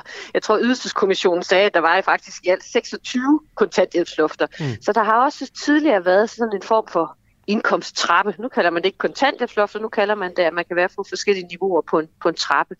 Og jeg vil sige, jeg synes sådan set samlet set, så, så giver det jo mening, at, at man siger, at der er en maksbeløb for, hvor meget man får udbetalt på kontanthjælp. Det er sådan set, altså det anerkender jeg sådan set, at det, det, det giver rigtig, rigtig god mening. Der, hvor, hvor, hvor vi går ind og har nogle anker, det er jo i forhold til, øh, om man er over eller under øh, fattigdomsgrænsen. Særligt hvis man er, øh, altså særligt hvis man er en børnefamilie, hvor, hvor børnene også bliver ramt af, at, at forældrene har et fattigt liv. Okay. Kan du egentlig sådan, fordi det er jo lidt, øh, lidt snørklet det her, men øh, kan du svare på, hvor meget en, øh, lad os bare tage et eksempel med en enlig forsørger med to børn vil få udbetalt med, med den her nye ydelse, hvor man ligesom tager alle tilskud med? Nej, det kan jeg ikke, og det, og det, og det er også noget af det, der sådan lidt afventer, at, at man får lavet de her udregninger, øh, i hvert fald i det materiale, som, som jeg har læst igennem øh, selve aftalen osv. Så, videre. så der er noget her, der, der, der, der lidt mangler, og hvor man også øh, mangler nogle sammenhængsgrundlag. Men har du sådan et, øh, altså cirka, cirketal? tal? Nej, det har jeg ikke. Øh, fordi at, øh, fordi det, det, det er nogle tal, som, som jeg er nødt til at bede om, at det er, det er ministeriet, der lægger dem frem. Øh, det, det vi kan se af aftalen, det er det, der hedder det midlertidige børnetilskud, som der har været siden, siden valget faktisk, at det bliver forlænget, eller det bliver sådan set gjort varigt og kaldt et børnetillæg. Øh, jeg kan se, at hvis du, øh, hvis du, hvis du har fået receptpligtig medicin, både til dit barn og til dig selv, øh, så kan du få, få et tillæg på den del. Ikke? Så, så jeg kan ikke give dig de tal. Øh, det er noget, som, som ministeriet må, må lægge frem, øh, mm. de udregninger der. Men hvis du ikke har nogen tal, hvad er det så egentlig, du baserer sådan din, din holdning på? Jamen, jeg baserer min holdning på, at, øh, at det ministeriet har sagt, og det de øh, partierne har sagt, at de har lagt aftalen frem, det er, at uh, ud af de 56.000 fattige børn, der er i Danmark, der er der 9.200 af dem, som løftes ud af fattigdom med den her aftale. Og det betyder, at der er stadigvæk altså, godt 46.000 børn i Danmark, der også på den anden side af implementeringen af den her aftale vil leve et liv i fattigdom. Og det synes jeg er alt for mange. Så det, det er det tal, som, mm. som vi møder hjælpen sammen med mange af børneorganisationer og nogle af de faglige organisationer, øh, sådan set har været, været kritiske på, eller virkelig været, været, været rigtig ærgerlige over, at man ikke, man ikke fik løftet flere børn ud af fattigdom. Okay, men det må, vel, det må der vel være nogle tal på. Altså man løfter vel ikke nogen ud af fattigdom uden at ligesom have nogle beregninger på, hvordan man gør det? Det, det tænker jeg også. Der, jeg tror, ministeriet ligger inde med, med dusin beregninger på det her, men, men de er ikke lagt frem. Øh, så, så, så dem kender jeg ikke, og, og, og det er også noget, altså uden at nu igen det skal blive for nørdet, men, men Øh, handler det i virkeligheden bare om, om det midlertidige børnetillæg, som nu er gjort vejet, eller hvad det gør? Det, det, jeg, jeg ved det simpelthen ikke, fordi øh, det eneste tal, der står på, hvor mange der løftes ud af fattigdom, det er de 9.200. Jeg ved ikke, hvordan de er, de er kommet frem til det tal, men jeg, jeg forventer, at, at, at, at der er belæg for, at, at det er det antal børn, der løftes ud af fattigdom. Det har jeg slet ikke grund til. Okay, som direktør i Møderhjælpen, Nina Thomsen, bare lige for, at, som mig og lytterne er sådan helt, klædt helt på, det her med at fjerne kontanthjælpsloftet, og så få sådan en indkom, indkomsttrappe ind i stedet for. Er det, en, er det en god idé, hvis du bare sådan ja eller nej? Øh, jeg synes, det er en god idé, at der er en indkomsttrappe, så der ikke kun er ét loft. Øh, men jeg også sige, tidligere var der altså også 26 lofter, øh, så, så der har på en eller anden måde, altså der er noget af det her, der er lidt, lidt omskrivning af sproget, så at sige, mm. ikke? Før havde man 26 lofter, nu har man færre, man kalder det indkomsttrappe i stedet for kontanthjælpsløft.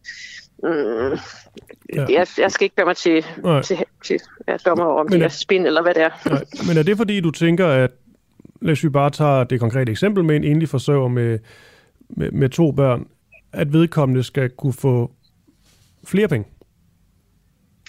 Det afhænger helt af vedkommendes livssituation. Øh, der er stor forskel på at finde en, en bolig øh, i, i hovedstadsområdet og, og måske i Herning. Der er stor forskel på, hvordan ens økonomi ser ud, hvis man, hvis man har nogle kroniske sygdomme, som gør, at man selv bruger medicin, at barnet øh, har, har sygdom, så barnet bruger medicin, og så det ikke er tilfældet. Og det er netop derfor, det giver mening, at man ikke kun siger, der er lige meget, hvad der sker i dit liv, jamen så har du de her indtægter.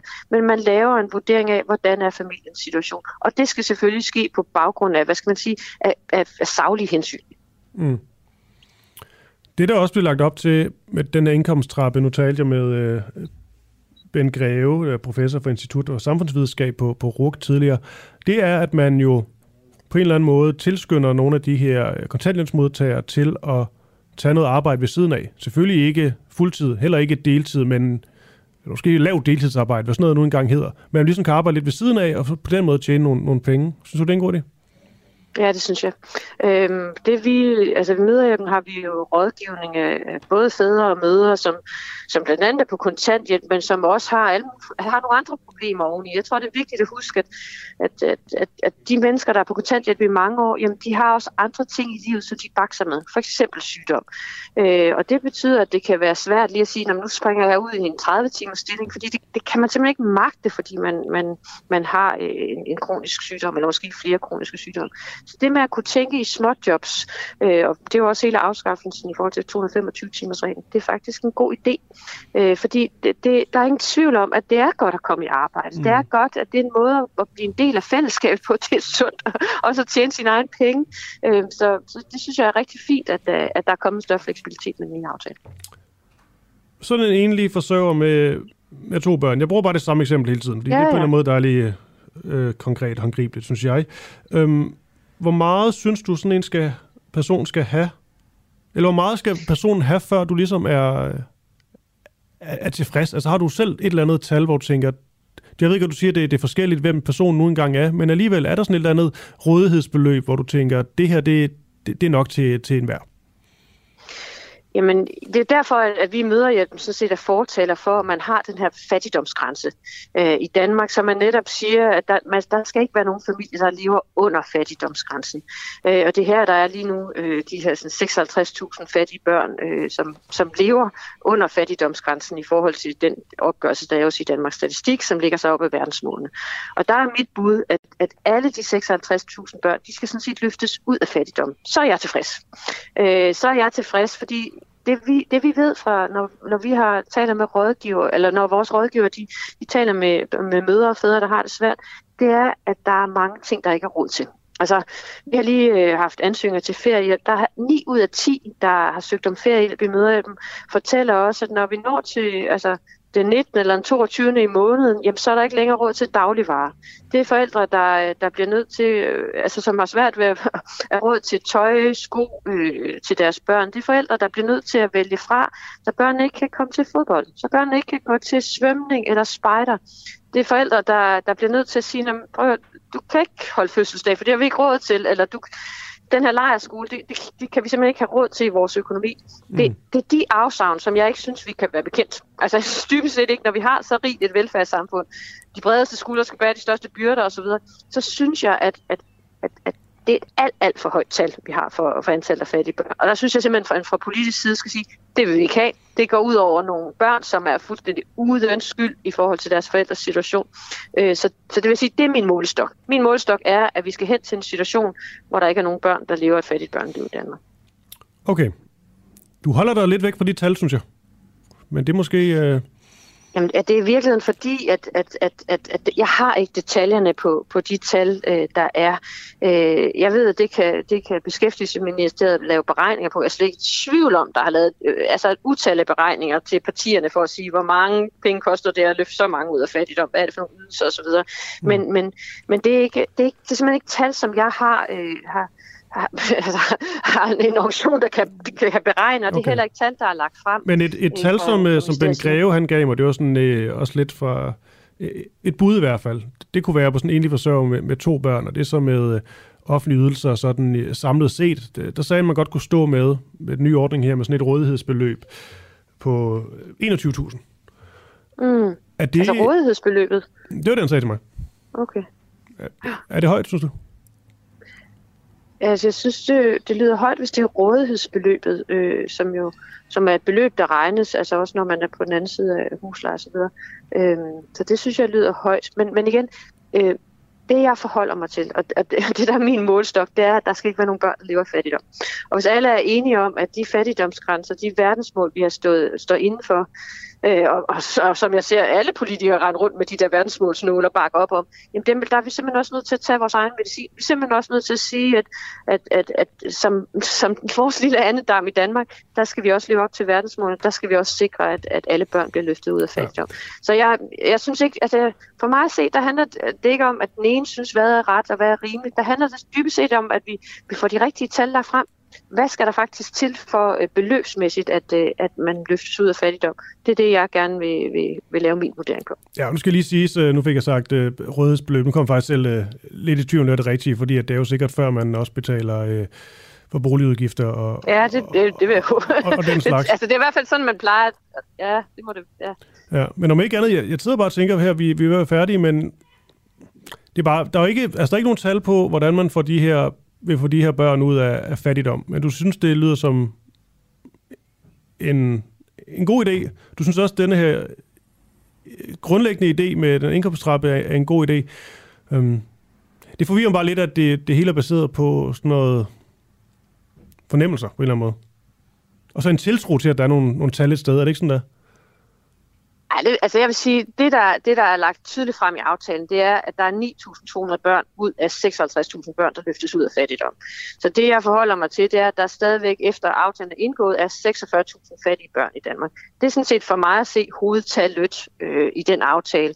Øh, og dermed også, at, at, at man har efterladt 46.000 børn på perronen, øh, så at sige, fordi man bliver brændemærket som barn. Øh, der er forskning, der viser, at, at når man lever et børneliv i fattigdom, jamen, så giver det mistrivsel for barnet. Det gør, at du bliver sat bagud i forhold til kompetencegivende uddannelse, karaktergennemsnit osv. Så, så der er stadigvæk på den anden at the end of the day 46.000 børn, der lever et fattigt børneliv. Det, det er for mig at se, det er faktisk målestokken for mig. Øh, vi kan altid være sådan nitty-gritty, og hvor mange penge skal man have osv., men, men målestokken for mig, for møderhjælpen, det er, at børnene skal ikke lide overlast. Børnene skal simpelthen ikke øh, leve fattige børneliv i så rigt et land, som vi, vi er øh, har i Danmark. Øh, så er det rigtigt. Ministeriet har ikke lagt frem, hvad bliver satserne, hvad, hvad sker der der, hvordan er man nået frem til de 9.200, men, men, men jeg har ingen, ingen forventning om, at, at man fra ministeriets side skulle lægge forkert tal frem i forhold til, hvor, hvor få børn, der faktisk øh, løftes ud af fattigdom. Okay, Nina Thomsen, sidste spørgsmål, så, så slipper jeg dig. Nu er du jo direktør yes. i, uh, i Møderhjælpen, som uh, officielt ikke holder med en uh, politisk blok, uh, men er delvis finansieret af, af staten, og dermed også, også skatteborger selvfølgelig. Er du egentlig stadig medlem af SF? Bare lige for at få den på plads. Det synes jeg er et privat spørgsmål. Du var borgmester i Københavns Kommune for SF. Hvorfor er det et privat spørgsmål? I dag er jeg medlem af flere organisationer. Det jeg står på mål for her, det er som direktør i Møderhjælpen, øh, at jeg kæmper de fattige børns sag, at jeg kæmper for, at mødre og fædre i det her land, som står i en sårbar situation, at de får et bedre liv i morgen. Det er derfor, at, men, øh, at jeg bliver interviewet ja, af dig. Ja, ja, men spørgsmålet kan jo godt være relevant, så lytteren ligesom er, er klædt helt på, så kan de jo tænke, hvad de, hvad de nu engang vil. Men det er jo fordi, man kan sige, det har været en stor mærkesag for Pia Olsen Dyr og SF, det her med at afskaffe det her kontanthjælpsloft. Altså det, jeg vil sige, det er, at, øh, der, at Rød Blok har et, et særligt ansvar her. Det er der slet ikke nogen tvivl om. Det øh, SF, Enhedslisten, Radikale skrev i forbindelse med, med Folketingsvalget under på, øh, at de ville halvere børnefattigdom. Det sagde de, det var et erklæret mål for dem. Jeg har siddet øh, og lyttet til socialordførende for, for Socialdemokratiet på forskellige øh, konferencer her de sidste par år sige, at det er en skamplet for vores samfund, at der er børn, der lever i fattigdom, og det skal vi bekæmpe. Så jeg vil sige, hele Rød Blok og også Radikale har sådan set haft erklærede målsætninger om, at vi skal bekæmpe børnefattigdom. Og det er jo også de målsætninger, man nu skal holde dem op på. Er, det så, er vi så i mål nu? når vi har fået 9.200 børn ud af fattigdom?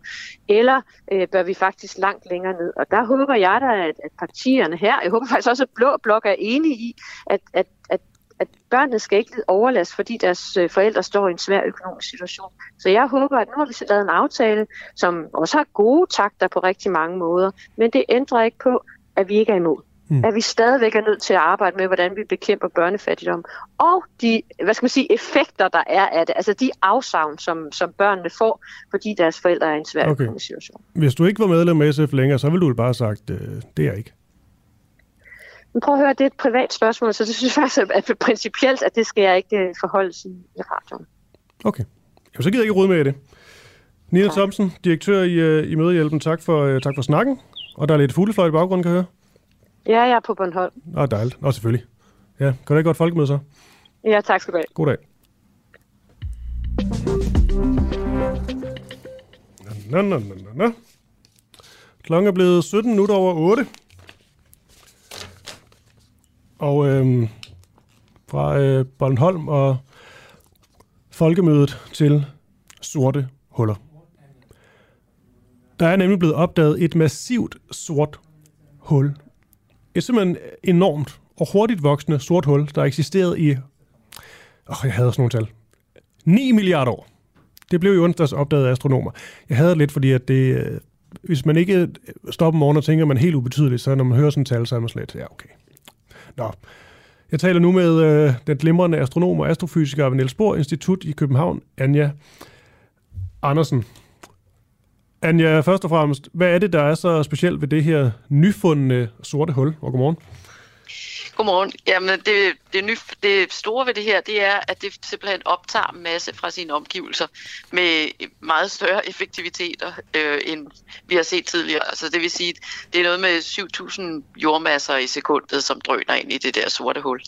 Øh, og det synes vi var vældig interessant, fordi vi ikke har set noget så hurtigt før, så det kan vi lære noget grundlæggende om sorte huller ved at studere nærmere. Okay. Det her, altså er det rigtigt, når jeg siger det her? Altså, det har eksisteret i 9 milliarder år, det her voksen sort hul. Ja, Ja, så, så de sorte huller er enten dannet kort tid ja. efter Big Bang, eller som del af Big Bang. Det er vi faktisk ikke helt skarpe på endnu. Men de har været der fra tidernes morgen. Okay. Stort set. Må jeg, nu spørg, jeg, må, jeg, jeg må godt spørge dumt, ikke? Jo, jo, jo, jo. Der er ikke noget dumt spørgsmål omkring Nej. sorte huller. Der er mange ting, vi ikke kan svare på. ja, men altså sådan noget som sådan et tal. 9 milliarder. Ja. Hvordan, altså, hvordan ved man det? Jamen, det ved man jo heller ikke med sikkerhed, ja. men det er jo sådan, når vi kigger på de fjerne galakser, så kan vi ligesom se, hvornår de første galakser bliver dannet. Og det er jo så mærkeligt med sorte huller, at øh, det, der kendetegner sorte huller, det er jo faktisk, at de ikke lyser, kan man sige. Så i virkeligheden, så kan man jo også overveje, hvordan kan det være, at vi pludselig kan se et, og være nogenlunde sikker på, at det er der. Og det er simpelthen fordi, hvis der er noget, masse, altså noget materiale, det kan være en stjerne, eller det kan være sådan en interstellar sky af gas og støv, som kommer så tæt på det sorte hul, at det bliver tiltrukket af det sorte hul, og derfor prøver at komme ind i det sorte hul, så vil materialet lyse op, når det prøver at komme derind. Så det svarer sådan lidt, hvis man nu har en koncert, hvor brandalarmen går, ikke? og så mm. har man 2.000 mennesker, der prøver at komme ud af den samme dør, så vil der jo være en masse trængsel over ved døren, og der vil udvikle sig en masse varme, som hvis man så står med sådan en infrarødt varmekamera og kigger på, hvad der sker over ved den den der dør, så kan du ikke se døren, fordi der er alle de der mennesker, der prøver at komme igennem den. Men du vil simpelthen kunne se, at temperaturen mm. stiger mere og mere, og, og, og folk presser mere og mere på. Ikke? Og det er lidt det samme med sorte huller. De er faktisk ret små, men de har ret øh, stor masse. Og, og derfor er åbningen, kan man sige, til det sorte hul ikke særlig stor. Så når en stjerne eller en interstellar sky prøver at komme ind i et sort hul, så bliver der sådan en trængsel ved indgangen. Mm. Og så udvikles der en masse energi, og den energi lyser op. Altså så ser vi pludselig, så kan vi se røntgenstråling, og vi kan se stråling og alt muligt. Og så tænker vi, okay, der er gang i den derovre, der sker et eller andet. Og så er en af de gode forklaringer på, hvad vi mener, der sker, det er sorte huller. Og dem ser vi, det fænomen, det observerer vi helt tilbage til 9 milliarder år tilbage i tiden, altså til kort tid, få milliarder år efter, at øh, universet begyndte. Og derfor så tænker vi, om alle de sorte huller, de er nok opstået nogenlunde på det tidspunkt, og inde i alle galakser ligger der nok et sort hul. Og, jeg, og måske kan folk huske, at for nogle uger siden, så var der sådan en pressemeddelelse, hvor man viste et billede, og det prøver jeg at sætte lidt i gåseøjne, mm. af det sorte hul i Mælkevejen. Fordi øh, altså det sorte hul, vi har i Mælkevejen, det er det, vi kalder et sovende sort hul. Der er ikke særlig meget gang i den, og det er fint nok, fordi det er jo lidt tættere på end det andet sorte hul her, som ligger i en helt anden galakse. Så det er rigtig skønt, at der er gang i det, for så kan vi se det, og vi er ikke tæt på, så, så det er alt, alt er godt der. Og, øh, og der, der kan vi ikke se det sorte hul så meget, fordi der er noget på vej ind i det, men simpelthen fordi vi kan se, hvordan stjernerne bevæger sig rundt om, om det sorte hul. Så det, det var der nogen, der fik Nobelprisen for sidste år, fordi vi synes, at det var så stor en opdagelse. Det her med, det er, det er altså det virker til, at det er, det er meget, meget stort, og det er også noget af det, det vilde ved, ved det her fund, skulle til at sige, øh, størrelsen. Men det her med, det er jo også er hurtigt voksende, så vidt jeg, jeg forstår det. Det tror jeg, det er det, der sådan gør mig sådan mest øh, angst, eller hvad man nu skal sige. Altså, ja. der, der er et eller andet uhyggeligt ved sorte huller, og det er med, at de sådan, altså, vokser, og så kan, ja. kan, kan opsluge ting. Øh, den her fare, som man nogle gange taler om, forbundet med sorte huller, i hvert fald noget, man ser meget i, uh, i science fiction film. Hvad er, det, hvad er det præcis, den bunder i? Jamen altså, det er jo netop, at, at der er sådan lidt en misforståelse af, at sorte huller er sådan ja. lidt ligesom en støvsuger, der sådan ja, suger præcis. ting til sig, ikke? Og det er de faktisk ikke. Altså, så det er jo sådan ekstra meget tyngdekraft, men man skal ret tæt på, før at man bliver trukket, tiltrukket af den der tyngdekraft, ikke? Så, så du, og da tø, sorte huller er ret små, så skal du næsten være ret heldig, hvis du flyver tilfældigt rundt i universet, at du så lige kommer så tæt på et sort hul, så du ender inde i det. Altså lige svære ramme. Altså ligesom det der billede, jeg havde før med folk, der prøver at komme ud af døren fra, fra sådan en øh, koncertsal, ikke? der er det jo også svært at ramme døren, kan man sige, i forhold til bare at løbe ind i væggen.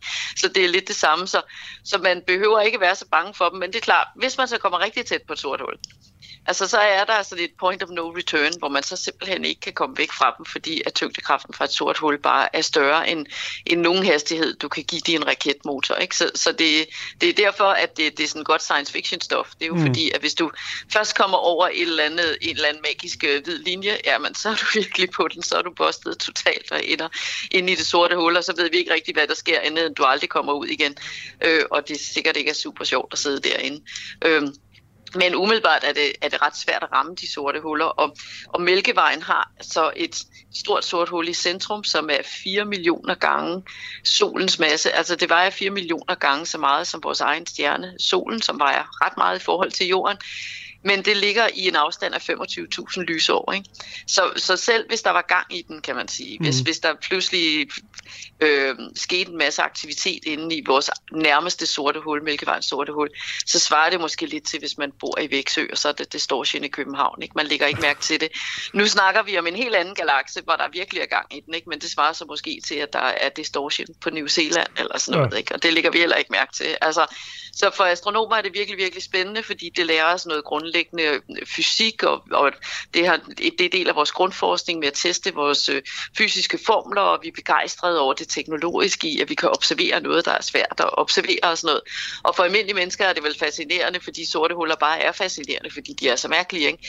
men der er ikke noget frygte ved at sige og du kan roligt bygge dig en rumraket og flyve tilfældigt rundt i Mælkevejen, så vil jeg godt love dig, at øh, skulle du være så heldig at ryge ind i et sort hul, så er du ualmindelig heldig. så, så skal du se det som en oplevelse, og så skal du skal skrive til mig, hvad du ser på vej derind, fordi vi er jo lidt i tvivl om, hvad der sker, hvis man krydser grænsen til et sort hul. Ja, det vil sige, det er en, øh, det er en opfordring, der er givet videre til lytter nu. Den bliver, ja. den bliver svært at komme mål med, men på en eller anden måde. Og så er det bare, eller ringe til Christopher Nolan, der må være godt materiale for det. Ja. Øhm, her til sidst, Anja C. Uh, Andersen, der, um, der er en lytter, der lige har skrevet, jeg elsker at lytte til Anja C. Andersen. Den synes jeg lige, du skulle have med. Det okay, jamen uh, tusind, tusind tak. Det var Nielsen, der skrev det. Jeg tror bare, det ja. var det. Vi skulle lige prøve at blive klogere på det her uh, store, sorte, sorte hul. Så håber jeg, at Dorte og alle de andre lyttere får en rigtig god dag. I lige måde. God dag. det hej, hej. hej. Ja, og så blev klokken 8.25, og jeg skal nu tale med Jonathan Schacht Halling Nielsen. Han er Belarus kender, har studeret og rejst i Belarus og følger situationen i, øh, i landet tæt. Og han er altid god, øh, den gode Jonathan Schack, til lige at have med, hvis der er et eller andet omkring øh, Belarus. Det er jo det, der jo egentlig, jeg tror stadig faktisk officielt hedder Hvide Rusland, men hvor man har valgt ligesom øh, at kalde det for, for Belarus. Jeg er ikke sikker på det helt officielt endnu, men jeg ved også, Jonathan helst, hvad vi kalder det for, for Belarus, så det, øh, så det gør vi. Spørgsmålet er, hvorvidt øh, Belarus øh, leder, der blev kaldt for den sidste diktator i, øh, i Europa, spørgsmålet er, om det ikke kommer flere til siden, øh, hvorvidt han smider sin hær ind på russisk side. Flere strategiske træk fra Belarus side kan nemlig indikere, at, øh, at de nu er på vej til at være til at indgå sådan direkte og konkret i krigen mod Ukraine, altså simpelthen sende, sende militær ind. Godmorgen til dig, Jonsen. Godmorgen. Vi har jo før talt om, øh, om Lukashenko og Belarus, som jo har et godt, nært forhold til Putin. De er måske også lidt øh, afhængige af hinanden, og har måske også ligesom givet... Altså indtil videre deres indsats vel primært været i forhold til at hjælpe Putin. Det er sådan noget med, at de har givet dem lov til ligesom at gå ind via Belarus og have køre militær ind og sådan noget. Men de har vel ikke på den måde haft øh, sådan direkte en hær med ind i krigen? Nej, Altså, de har ikke haft, Belarus har ikke haft tropper på Nej. jorden i, øh, i Ukraine. Man kan sige, de har, de har haft, de har hjulpet russerne på næsten alle andre måder. Ja. Øh, de, kunne, de har stillet belarusisk territorie til rådighed for russiske raketangreb mod øh, Kiev. De har tilladt øh, troppetransporter via deres øh, øh, jernbaner. Øh, deres hospitaler er fuldstændig overbebyrdet af russiske sårede i øjeblikket. Så, så, øh, så på den måde stiller de en masse ressourcer til rådighed for russerne. Men denne her med, at de skulle gå ind sådan med egne tropper på russisk side, det har de altså ikke gjort, og, og derfor er det interessant at se, om det er den udvikling, vi kigger ind i i øjeblikket. Og hvad er det præcis, der, der indikerer, at det her det øh, måske øh, rykker, rykker tættere på? Det, der indikerer det, er dels, at øh, man fysisk har kunnet se, at der er sket troppetransporter af belarusiske tropper internt i Belarus, hvor øh, styrker, øh, ret signifikante styrker, er blevet flyttet til grænsen til Polen og grænsen til Ukraine. Øh, derudover ved man, at de har gravet skyttegrav øh, i øh, de her områder. Det der fotodokumentation ikke? Øh, man ved også, at den belarusiske her har indkøbt sådan nogle, hvad hedder det, hundetegn eller dog tags på, på engelsk, nogle identifikationsmærker til, til soldater, hvis de dør. Dem har de købt 20.000 øh, af. Og så er der en, hvad skal man sige, propagandaændring øh, fra det belarusiske styre, eller fra Lukashenko, øh, især der begynder at tale om sådan noget med at skulle forsvare Vestukraine. Øh, og det er bekymrende. Ja, det lyder til, Jonathan Schachter Nielsen, at du øhm, øhm, er, jeg vil ikke sige, at du er sikker, men, øh, men der, det lyder til, at der er meget i dig, der tror, at det ender med, at, øh, at Belarus går mere sådan, jeg sige, til at sige konkret aktivt ind i denne her krig, og rent faktisk sender, sender tropper. Nej, det vil jeg faktisk ikke sige, det, okay. det, det gør. Jeg, der, der er noget, der kunne tyde på, at det her det er noget, der bliver overvejet af dem, der træffer beslutninger. Og ja. det, det er rykket tættere på. Jeg tror stadigvæk, det mest sandsynlige er, at de ikke går ind i krigen øh, direkte. Og det skyldes noget andet. Det skyldes, at krigen er voldsomt upopulær i, øh, i Belarus. Øh, for et par måneder siden var der en måling foretaget af det, af det britiske Chatham House, øh, som viste, at kun 3% af belaruserne bakkede op om øh, belarusisk øh, krigsdeltagelse på russisk øh, side. Hvad hedder det? Øh, det? Det tyder på, at krigen også er voldsomt upopulær langt ind i Lukashenkos egne rækker. Han er kommet øh, til i sin tid at have holdt fast på magten ved et løfte om stabilitet og fred i, øh, i Belarus. Så selv Lukashenko støtter. Mm. tænker, det her er jo ikke stabilitet, det er ikke fred. Så, så hvad skulle fidusen øh, være det? Jeg havde fornøjelsen af i sidste uge at have en samtale med den øverste rådgiver, en der hedder Svetlana Tsikhanovskaya, øh, som er, er de demokratiske kræfters øh, leder. Og han talte direkte om, at de har øh, dialog med højtstående øh, belarusiske militærofficerer, som overvejer at hoppe af fra styret og altså tilslutte sig øh, oppositionen. Og det er altså, øh, fordi der er en modstand dybt ind i Lukashenkos egne rækker øh, imod øh, krigsdeltagelse. Okay, så øh, lige før der, øh, der tolker jeg måske lidt for meget på, på det, du sagde, fordi pointen var jo ligesom, at, øh, at der er indikationer på det, der måske mm. har gjort nogle forberedelser fra, fra højeste sted, men der er stadigvæk mm. øh, skal lytte noget til, før det rent faktisk sker, at man sender måske ja, herren med ind i, i krigen, og det er blandt andet, fordi befolkningen simpelthen ikke er i stor grad ikke er tilhængere af denne her, den her krig? Ja, befolkningen er ikke tilhænger, og måske værre nu for, for Lukashenko, at store dele af hans eget sikkerhedsapparat, som er dem, der holder ham ved magten, er ikke tilhængere af det. Man skal også huske, at den belarusiske her er ikke den russiske her. Øh, her der taler om en her, der aldrig har været i krig. Øh, og derfor slet ikke ved, hvad deres øh, kampstyrke er. Og bevares, de har specialstyrker, som givetvis vil være i stand til at, at føre øh, krig. Men langt det meste af den belarusiske her er, er, er værnepligtige, og ikke særlig dygtige værnepligtige, øh, som okay, oftest okay, så det er ikke, det er ikke sådan en... ikke får lov at skyde med våben. Okay. Altså, så så, så der, der er nogle praktiske udfordringer. Ja, det er bare for at sige, det er ikke, så det er ikke sådan en totalt top-tunet, vanvittig god øh, her, som bare vil kunne ændre øh, krigens forløb fra den ene af til den Det er der ikke noget, der tyder på. Nej. Jeg har lige sidste spørgsmål, det er simpelthen bare sådan en, en lille tanke, jeg fik, mm. uh, Jonathan. Hvad vil der egentlig ske? Måske, altså det er lidt gætværk der, tror jeg, også for dig. Men hvis der er en, uh, en ukrainer, en ukrainer, lad os sige det, flygter til, uh, til Belarus, hvad, mm. så, hvad vil der så ske en person? Så vil jeg tro, at han vil blive øh, spærret ind øh, på en eller anden måde. Altså man skal huske, at Belarus er i forvejen et land, der har rundet 1200 politiske fanger, så en ukrainer til og fra vil nok ikke gøre den store forskel på det øh, regime. Og så skal man jo ikke huske, det synes jeg stadigvæk er værd at få med også i denne her sammenhæng, ja. men det er jo altså ikke sådan, at, at Belarus ikke allerede kæmper i Ukraine. Det gør de i ret stor stil. De gør det bare på ukrainsk side. Den ukrainske her, den op, op, oplever flere og flere belarusiske frivillige.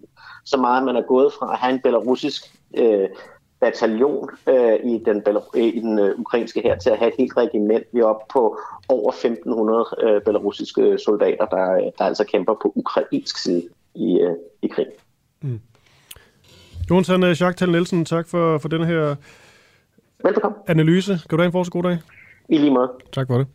Hej. Hej, og jeg skal lige sige, at han er altså Belarus kender, har studeret og rejst i Belarus og følger, som man nok godt kunne høre, situationen i landet tæt. Og med det, så blev klokken øh, lige præcis 32 minutter over 8. Du lytter til en uafhængig morgen.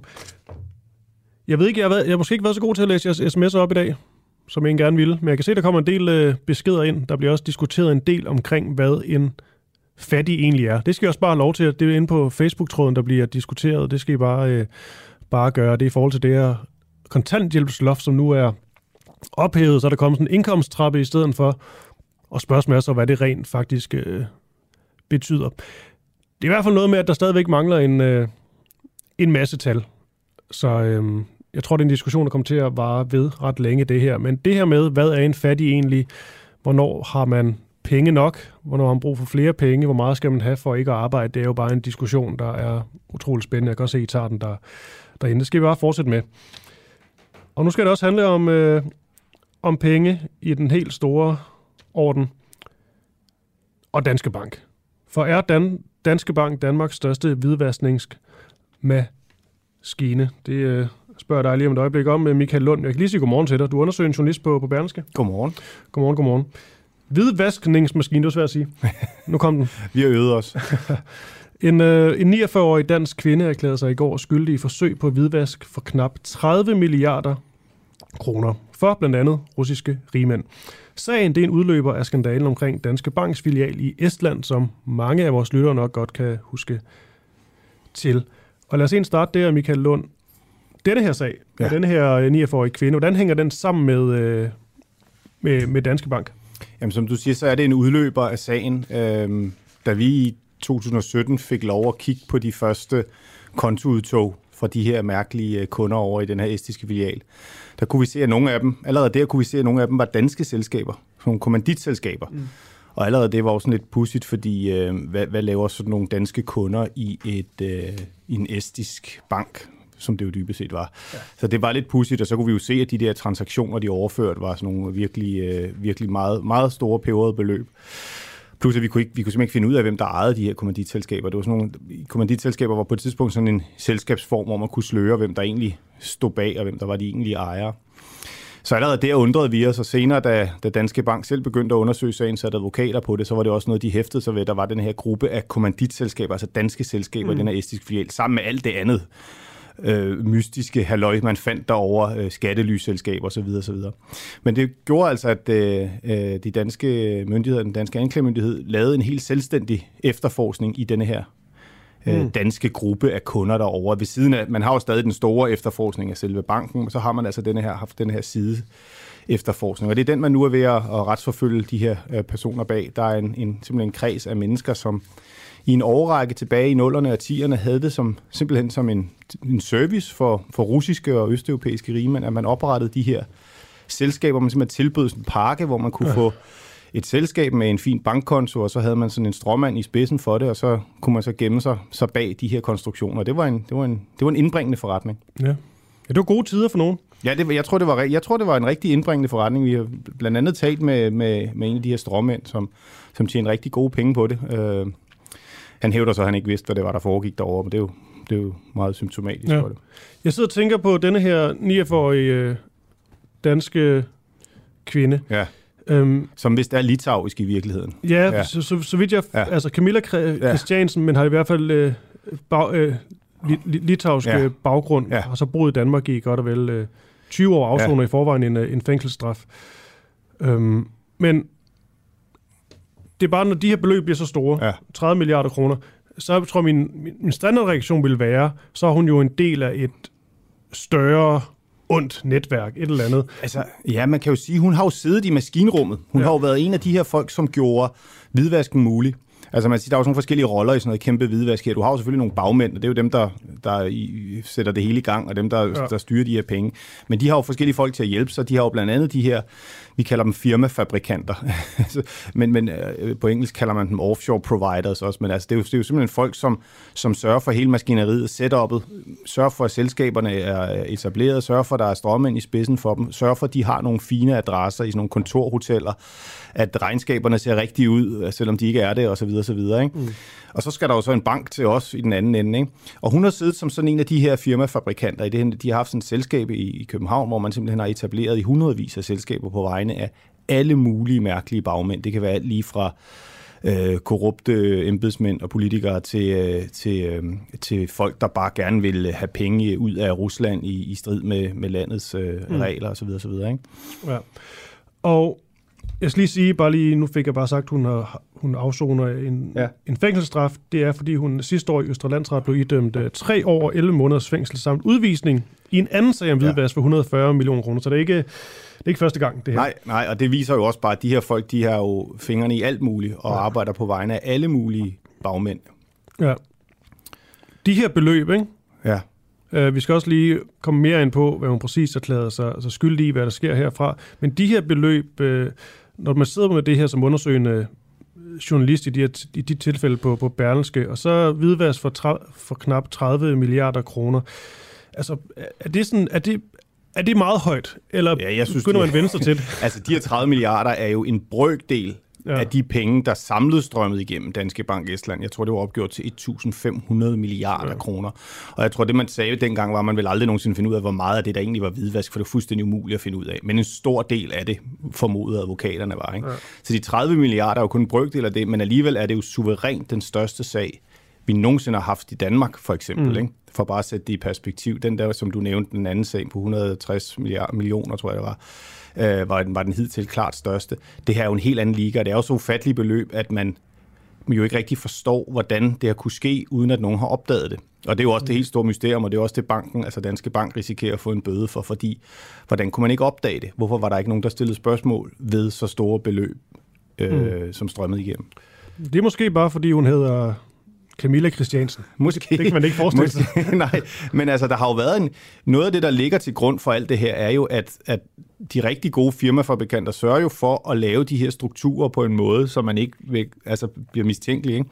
Altså for eksempel, hvis du har et dansk selskab, som har konto i en dansk bank, som i det her tilfælde, jamen så ser det jo på overfladen rigtig pænt ud, frem for ja. hvis det var et selskab, som lå i uh, Georgien og havde en bank i Kazakhstan. Ikke? Så, så derfor så er der en fidus i at få det til at se så, så legit ud som overhovedet muligt. Ja. Nogen så erklæder sig så skyldig. Øhm, vi har også været lidt inde på det, men men altså, ved du præcis, hvad det er, hun erklærer sig skyldig i? Og har du nogen idé om, det bliver sådan et dobbeltspørgsmål, det her? Ja. Øhm, det er lidt forbudt, men det bliver det alligevel. Hvad det ligesom kan få af konsekvenser på en lang bane? Jeg, jeg er lidt overrasket over, at hun er erklæret sig skyldig, men jeg tror simpelthen, det handlede om, at sagen var så klar, og at hun er Litau og er i forvejen udvist, og vi egentlig bare gerne øh, hjem så hurtigt som ud, altså ja. udstået sin straf, og jo hurtigt øh, det kan gå, øh, jo, jo bedre. Noget af det, jeg synes, der var overraskende, var, at hun åbenbart, altså hun bliver direkte spurgt af sin forsvarsadvokat, vidste I godt, at det her var hvidvask? Ja. Og der svarer hun, ja, selvfølgelig vidste vi det nede i, i retten. Og det synes jeg egentlig er, er rigtig interessant, fordi noget af det, der har ligget under alt det her hele hvidvasksagen har jo været noget, noget, noget af det, som, som forsvarerne af banken og de her bagmænd ligesom har anført hele tiden, har jo været, jamen man vidste jo ikke rigtigt, hvad der foregik. Man mm. blev bare snydt af nogle, man blev snydt af nogle skrupelløse øh, og meget begavede bagmænd, øh, og man vidste jo i virkeligheden ikke, hvad det var, der foregik. Og det tyder det jo i hvert fald på nu, at, øh, at nogle af dem i hvert fald gjorde. Ja, men også det, det er meget den fortælling, man har fået fra mange af de her svindlere, også udenlandske svindlere, at det, det var bare lidt det, man gjorde. Ja. Men også uden det sådan var, jeg tænker ikke så meget over det. Ja, noget af det, vi har hørt meget fra folk, der har forsvaret banken, har jo været, det var en anden tid. Ja. Øhm, og det hører man jo også om alle mulige andre MeToo-sager. Det må man sige. Men altså, øh, der må man bare sige, øh, reglerne var jo, var jo helt klare dengang også. Hvidvask var ulovligt. Bankerne mm. skulle holde øje med hvidvask. De skulle tjekke deres kunder, de skulle tjekke transaktionerne, og det har man jo ikke gjort. Ja.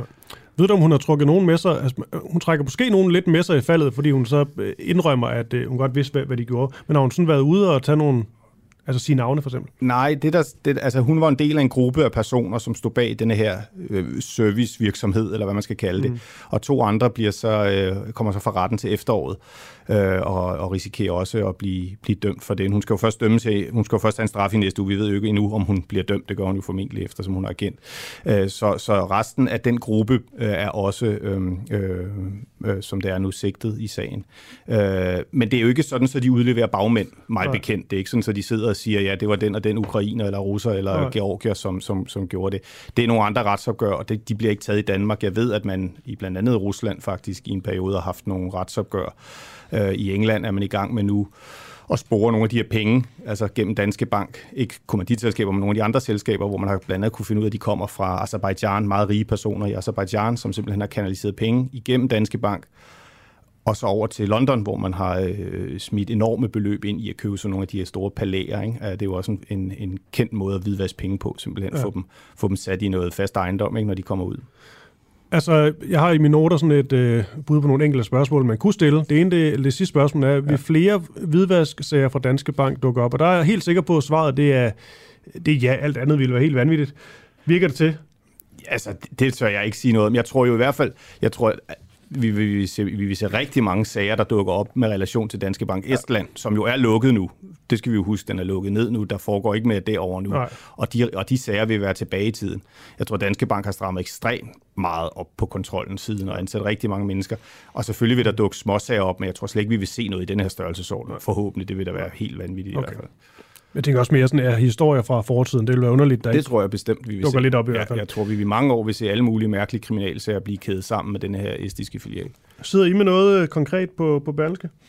Vi følger jo hovedsagen meget øh, nysgerrigt stadig. Altså mm. hovedsagen, det er jo den mod, mod banken, mod Danske Bank, Ja. ja. hvor, man, hvor, man, øh, hvor øh, både de danske og de amerikanske og franske myndigheder stadig efterforsker sagen, og, den, og banken er sigtet for hvidvask. Og der bliver jo spekuleret meget i, om den kan få en, en bøde for det, hvilket, hvilket mange tror, den, at banken vil få. Ja. Er du kunde? Nej. Det er jeg. Tillykke med det. Tak. Jeg tror, det er en glimrende. Jeg har været. Jamen, de gav mig rigtig god, øh, god rente på et tidspunkt, øh, da jeg skulle købe noget. Det tænker jeg fint. Ja. Men min far, han trak sig faktisk ud i, okay. I protest. Ja. ja, det er der jo mange, der har gjort. Ja. Jo, jeg skulle stadig kun. Ja, men Det er jo helt vildt skal du være helt velkommen til. Nå, Michael Lund, undersøgende journalist øh, på Berlingske. Tak for lige at, at komme forbi. Og det er altså denne, denne her sag om denne her 49-årige ja. øh, dansk-litauiske kvinde, som nu er erklæret sig skyldig i øh, forsøg på, på hvidvask på knap 30 milliarder kroner. Og som du sagde, hun, øh, hun var godt klar over, hvad hun lavede. Det hævder hun selv i hvert fald. Super. Tak for det. Velbekomme.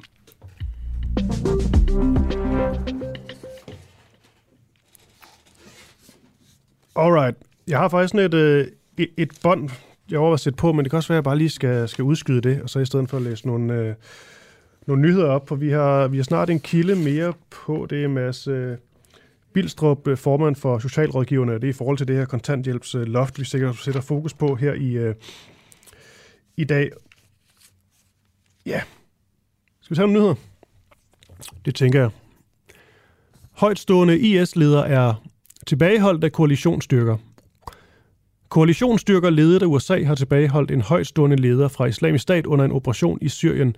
Det oplyser koalitionen i en udtalelse. Personen var vurderet til at være en erfaren fremstiller og facilitator af bomber, der er blevet en af gruppens topledere i Syrien. Det lyder det i denne her udtalelse. Elon Musk flytter med replu- republikansk præsidentkandidat. Tesla stifter Elon Musk kan indikere, at han kommer til at støtte republikaneren Ron DeSantis, han er guvernør i Florida, ved det næste amerikanske valg. På spørgsmålet fra en Twitter-bruger, om han ville stemme republikansk ved næste valg, svarede Musk, at det havde han endnu ikke besluttet, men han lænede mod DeSantis. Og det er jo selvfølgelig også lidt interessant i forhold til, hvad så, når der kommer det store præsidentvalg om nogle år, og Donald Trump jo formentlig stiller op igen. Vil Musk så ikke gå med ham? Det er måske ikke, de måske for store egoer begge to, fordi der har jo været snak om, at han ligesom vil få ham, hvis Elon Musk rent faktisk køber Twitter, det bliver stadig snakket om, men han så rent faktisk vil få ham tilbage på Twitter, altså Trump, men han vil så åbenbart, eller måske ikke støtte ham som, øh, som præsident. Det får vi at se. Det kan også være, at han bare synes, at ham med Ron DeSantis, han, øh, han kan noget. Jeg kender ham helt ærligt ikke særlig, særlig godt, men altså guvernør i Florida. Lukkethed om betingelser for Tour de France møder kritik. Det kommer til at koste mindst 180 millioner kroner, når tre etaper af cykelløbet Tour de France køres på dansk jord. Det er jo lige om et kort øjeblik. Men offentligheden kan ikke få at vide, hvilke betingelser staten og kommunerne har sagt ja til for at få løbet til Danmark. Det skriver politikken. Jeg ved også, at det her er noget, øh, som min gode kollega Camilla Boracchi, hun har forsøgt at grave lidt ned i. Søgt alle mulige agtindsigter. Altså omkring øh, pengene til, til det her arrangement, og hvor mange har man fået, hvor er de gået hen, alt muligt, men det er vist virkelig svært at få nogle, øh, nogle, nogle klare svar, og få ja, netop svar på de her agtindsigter. Og det er en historie, vi skal forfølge. Nu skal Camilla lige have lov til at vælge lidt rundt på folkemødet, men øh, i næste uge, der tænker jeg, at vi prøver at tage den, tage den op, altså i forhold til det her med lukkethed om betingelserne for Tour de France. Jeg har lige en, øh, en nyhed mere. Det er en lidt længere en af sagen. Kattegat-forbindelse vil have minimal klimagevinst. Det er simpelthen ikke pengene værd at lave en Kattegat-bro til både biler og tog. Det mener professor i transportøkonomi ved Københavns Universitet, Mogens Foskerav, som i stedet mener, at man bør droppe togdelen. Han udtaler, det koster en masse penge, men man vinder ikke rigtig noget ved det, hverken på klima eller miljø. Transportministeren han offentliggjorde onsdag, at det vil koste 110 milliarder kroner, hvis forbindelsen skal kunne klare både biler og tog. Det er næsten dobbelt så meget som en ren vejforbindelse. Derfor er det ikke pengene værd, det mener altså Mogens Foskerav. Men får ikke de her, man får ikke de her kæmpe gevinster, som man forestiller sig, fordi der ikke er ret mange, som bruger toget ret få i forhold til, hvor dyrt det er at bygge og holde i drift. Det er da også en sag, vi godt kunne øh, gå videre med. Altså det her med noget, der bliver meget, meget dyrt. Men hvis det så ikke rent faktisk har det her, øh, den her klimagevinst, som man gerne vil have, der kan man sige, hvorfor skal man så bruge så øh, absurd mange penge på det, i stedet for at gøre det, det billigere og mere effektivt. Det er jo sådan en meget klassisk øh, debat. Jeg har lige en sidste her fra den lille danske Annedam. Christian Tulsendal forholder sig nu til tilbud fra Messerschmidt. Forhenværende formand for Dansk Folkeparti, Christian Thulsen Dahl, han forholder sig nu for første gang til et tilbud fra sin formand, Morten Messerschmidt, om at få en større rolle i partiet med flere ordførerskaber. I Berlingske, der udtaler Christian Thulsen Dahl, at han undres over, at Messerschmidt fortæller om tilbuddet i medierne. På et møde i sidste uge er den tidligere formand blevet tilbudt at blive skatteordfører og socialordfører. Og det er jo egentlig det skal vi også prøve at gå videre med det her, fordi det er jo spændende. Der er jo så meget snak om Messerschmidt, der ikke blev op til, øh, til valgdagen om øh, forsvarsforbeholdet, men øh, lavede noget, noget andet, og det fik en del øh, kritik. Senere kom der så kritik af, at det fik kritik, så der blandt andet var en lokalafdeling i øh, Rebel, tror jeg det var, som simpelthen trak støtten til Morten Messerschmidt og trak sig helt ud af partiet. Og der er bare magtkamp udspiller sig hele tiden, og rygterne på, at Christian Tulsendal er ved at lave noget sammen med Inger Støjberg, et nyt parti, de, øh, de sviger jo også derude. Ikke at jeg selv har noget som helst øh, konkret at forholde det op mod, men det er i hvert fald noget, der bliver talt en del om. Er det så derfor, at Morten Mersmith nu tænker, det kan være, at jeg lige skal være lidt mere sød ved den gode Christian Thulsen Dahl, for at få ro på de, de indre øh, linjer, og måske også undgå, at der kommer endnu et nyt øh, parti, som kunne være i direkte konkurrence med Dansk øh, Folkeparti.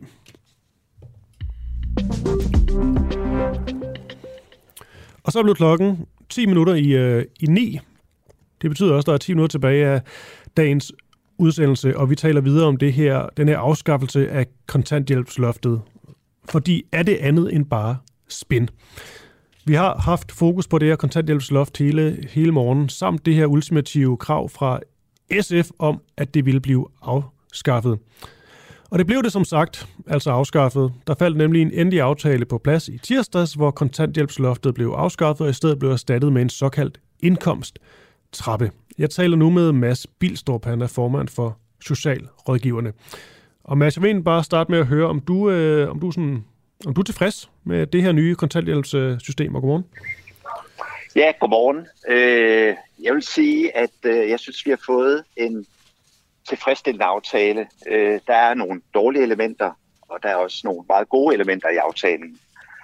Og øh, i forhold til kontanthjælpsloftet, så er det jo rigtigt, at aftalen bliver øh, markedsført på, at man har afskaffet det. Men man skal altså være opmærksom på, at vi har fået det, der hedder en indkomsttrappe, hvor man kategoriserer de nu kommende 11 ydelser, hvor øh, man definerer, hvor meget man maks kan få i, i, øh, i, i en offentlig ydelse. Og, og det, der er vigtigt at være opmærksom på i den sammenhæng, det er, at hvor vi tidligere havde kontanthjælpsloftet, der lagde øh, en begrænsning på, hvor meget man kunne få, har vi nu fået en indkomsttrappe, der ligger en begrænsning på, hvor meget man kan få i sociale ydelser. Så, så med min optik, så, har, øh, så er indkomst øh, loftet blev erstattet af, nej undskyld, er kontanthjælpsloftet blev sta- erstattet af en indkomsttrappe. Så, og, og mere sådan simpelt, så øh, altså man har afskaffet et, øh, et loft for så stadigvæk at have et, øh, et loft, men lidt anderledes loft. Ja, det kan man sige. Ja. Og det, man skal være opmærksom på, at med den indkomsttrappe, eller det, det nye loft, det betyder ikke, at man som øh, borger, der er på offentlig forsørgelse, får flere penge mellem hænderne om måneden. For nogle af de øh, af, af, skal vi sige, øh, af, af grupperne, så er der nogen, der måske får mellem 50 og 100 kroner mere per måned i opflydelse. Men ellers er ydelsesniveauet og bliver ydelsesniveauet fremadrettet meget status quo, det vi kender i dag. Er det, er det baseret på nogle, øh, nogle, nogle særlige tal, du har fået, fået fremlagt? Nej, det er, når vi går ind og kigger på, øh, på, på den aftale, der er indgået, og når vi går ind og kigger på den indkomsttrappe, så kan vi se, at, at ydelsesniveauet bliver meget øh, status quo, som, som, som det er i dag. Der, hvor man kan sige, at der måske er en forskel, det er, at man har indført det her fritidstillæg, hvor man kan få øh, per barn 250 kroner per måned til børnenes fritidsaktiviteter. Dog maks op til 1000 kroner om måneden. Men jeg forstår bare ikke, undskyld afbrydet, jeg forstår bare ikke, hvis status er nogenlunde status quo, hvorfor har man så øh, gjort det her? Ja, fordi at der i forståelsespapiret fra 2019 var en aftale mellem regeringen og de tre støttepartier, at man forpligtede sig til at afskaffe kontanthjælpsloftet. Det har man så også gjort med den her aftale. Og så kommer mindet, det er, så er der kommet en indkomsttrappe, som med min og socialrådgivernes øjne egentlig bare erstatter det tidligere kontanthjælpsloft. Okay, fordi SF og Pia Olsen Dyr, de fejrer jo det her som en, en kæmpe sejr. Det er jo selvfølgelig også et, et krav fra deres side, så det er også vigtigt for dem rent politisk, at, øh, at Mette Frederiksen og Socialdemokratiet nu, nu lyttede og fik det afskaffet. Men hvis der ikke er nogen sådan reel effekt, så virker det som en sådan lidt tom jubel. Ja, det kan, det kan man sige, øh, men, men man har måske også haft brug for politisk, det skal jeg ikke kunne sige, øh, at gå ud og sige, at nu er øh, kontanthjælpsloftet afskaffet, fordi at det var en del af aftalegrundlaget, øh, jævnfører forståelsespapiret. Øh, men, og nu kommer mændet igen, mm. der er kommet en indkomsttrappe, som, som egentlig er det nye kontanthjælpsloft. Okay. Det, det, det, jeg synes bare, det lyder helt... Øh, jeg synes bare, det er meget, øh, det er meget palaver for at, at erstatte noget med, med noget, der nærmest er, er det samme, der bare har et, øh, et ord, der måske klinger lidt bedre. Ja, altså, ja. Ja. Bliver jeg nødt til at sige.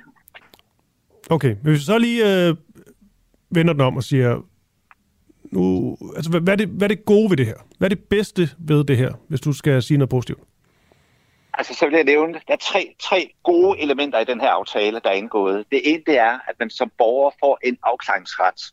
Og det er en afklaringsret, der betyder, at når man har været på offentlig forsørgelse i to år, og der ikke er sket en udvikling, der peger hen mod, at man er kommet i arbejde eller uddannelse, ja, så skal en sag og situation tages op med henblik på, at sagen skal genvurderes og, og gennemgås i en dialog og samarbejde med borgeren med henblik på, hvad er det så, der skal til for, at du kommer tættere på arbejdsmarkedet og i sidste ende kommer i beskæftigelse eller kommer i gang med en uddannelse. Og det er jo for at undgå, at, øh, at, at vi ikke skal opleve de her sager, hvor borgere er i systemet 5, 10, 15 og 20 år på øh, kontanthjælp, øh, fordi kontanthjælpen er, og det står der i lovgivningen, er en midlertidig ydelse. Så her er et forsøg på med den her afklaringsret at så sige, hvis du ligesom ikke er kommet ud af, af kontanthjælpssystemet efter to år, jamen så får du en ret til at få din situation vurderet og få en anden indsats, end den du har fået de første to år. Og det kan jo alt andet lige kun være med til at, og, og, og, og være med til at hjælpe borgeren til at komme videre i forløbet, sådan at han eller hun ikke hænger fast i systemet i alt for mange år. Mm. Det er sådan den, den ene ting, jeg vil lægge vægt på. Den anden, det er, som jeg lige nåede at nævne før, det her fritidstillæg, hvor børn øh, af forældre på, på offentlig forsørgelse kan få et fritidstillæg på 250 kroner øh, per barn per måned, dog maks, hvis man har mere end fire børn, op til 1000 kroner om måneden. Og de her penge er målrettet og reserveret af børnene. Det vil sige, at de kan ikke bruges til andet end børnenes fritidsaktiviteter og det, der følger med af sportstøj, spejderuniform eller hvad det nu måtte være. Øh, og det er rigtig godt, fordi vi ser i dag børn, der lider afsavn i forhold til, at de må sige nej til fritidsaktiviteter. De må sige nej til at være med i et fællesskab sammen med deres øh, klassekammerater, fordi forældrene ganske enkelt ikke har penge til det. Og det sidste, jeg lige vil nævne, det er, at man har indført en, en bestemmelse om, at hvis man har øh, og skal have receptpligtig medicin, jamen, så kan man få øh, det, øh, hvad hedder det betalt øh, som barn allerede fra, fra første dag, forældrene er på, på offentlig forsørgelse, og forældrene kan få øh, betalt deres receptpligtige medicin efter et år på offentlig forsørgelse. Mm. Og det er også rigtig godt, fordi vi tidligere har set, at øh, forældrene på grund af af, af, af manglende økonomi har fravalgt deres receptpligtige medicin, både til dem selv, men også til deres børn. Okay, så vidt jeg har forstået, nu taler jeg også med, med øh, Ben Greve, der ved en huls masse om, om sådan noget her øh, tidligere om morgenen, så var der også noget med, at, øh, at en af ændringerne kan være, at der bliver ligesom lagt op til, at du kan arbejde mere sådan ved siden af. Altså tjene nogle flere penge ved, ved siden af. Det er ikke et kæmpe beløb, men at der ligesom på en eller anden måde, så kan du måske også gør dig mere klar til arbejdsmarkedet, et eller andet. Øhm, et, er, du, er du enig i det, og er du så også øh, positivt stemt over for, for den udvikling? Den er jeg også positivt stemt over for, og det er rigtigt, at, øh, at man kan arbejde op til ekstra antal timer. Der, jeg husker ikke beløbsgrænsen, men uden at øh, beløbet bliver modregnet i, i ens offentlige forsørgelse. Og det er øh, på baggrund af de erfaringer, man har gjort sig omkring småjobs, at øh, hvis en borger kan påtage sig et par timers arbejde om dagen og kan tjene lidt penge, jamen så øh, viser øh, erfaringerne, at øh, det vil alt andet lige kunne bygge ovenpå, at borgeren så vil kunne tage nogle flere timer øh, i, i løbet af en periode, sådan at man kan sige, at man som borger på et tidspunkt øh, bliver, bliver selvforsørgende. Og det der jo er guldrådet nu, at det er, at de første timer, man kan, kan arbejde, øh, ikke bliver modregnet i ens øh, øh skal man sige, offentlige forsørgelse, og kan derfor måske være med til at motivere at øh, man fastholder jobbet, men også øh, får lyst og mulighed for at gå, gå op i tid og dermed tjene øh, flere penge og, og på, på en lang bane blive selvforsørget.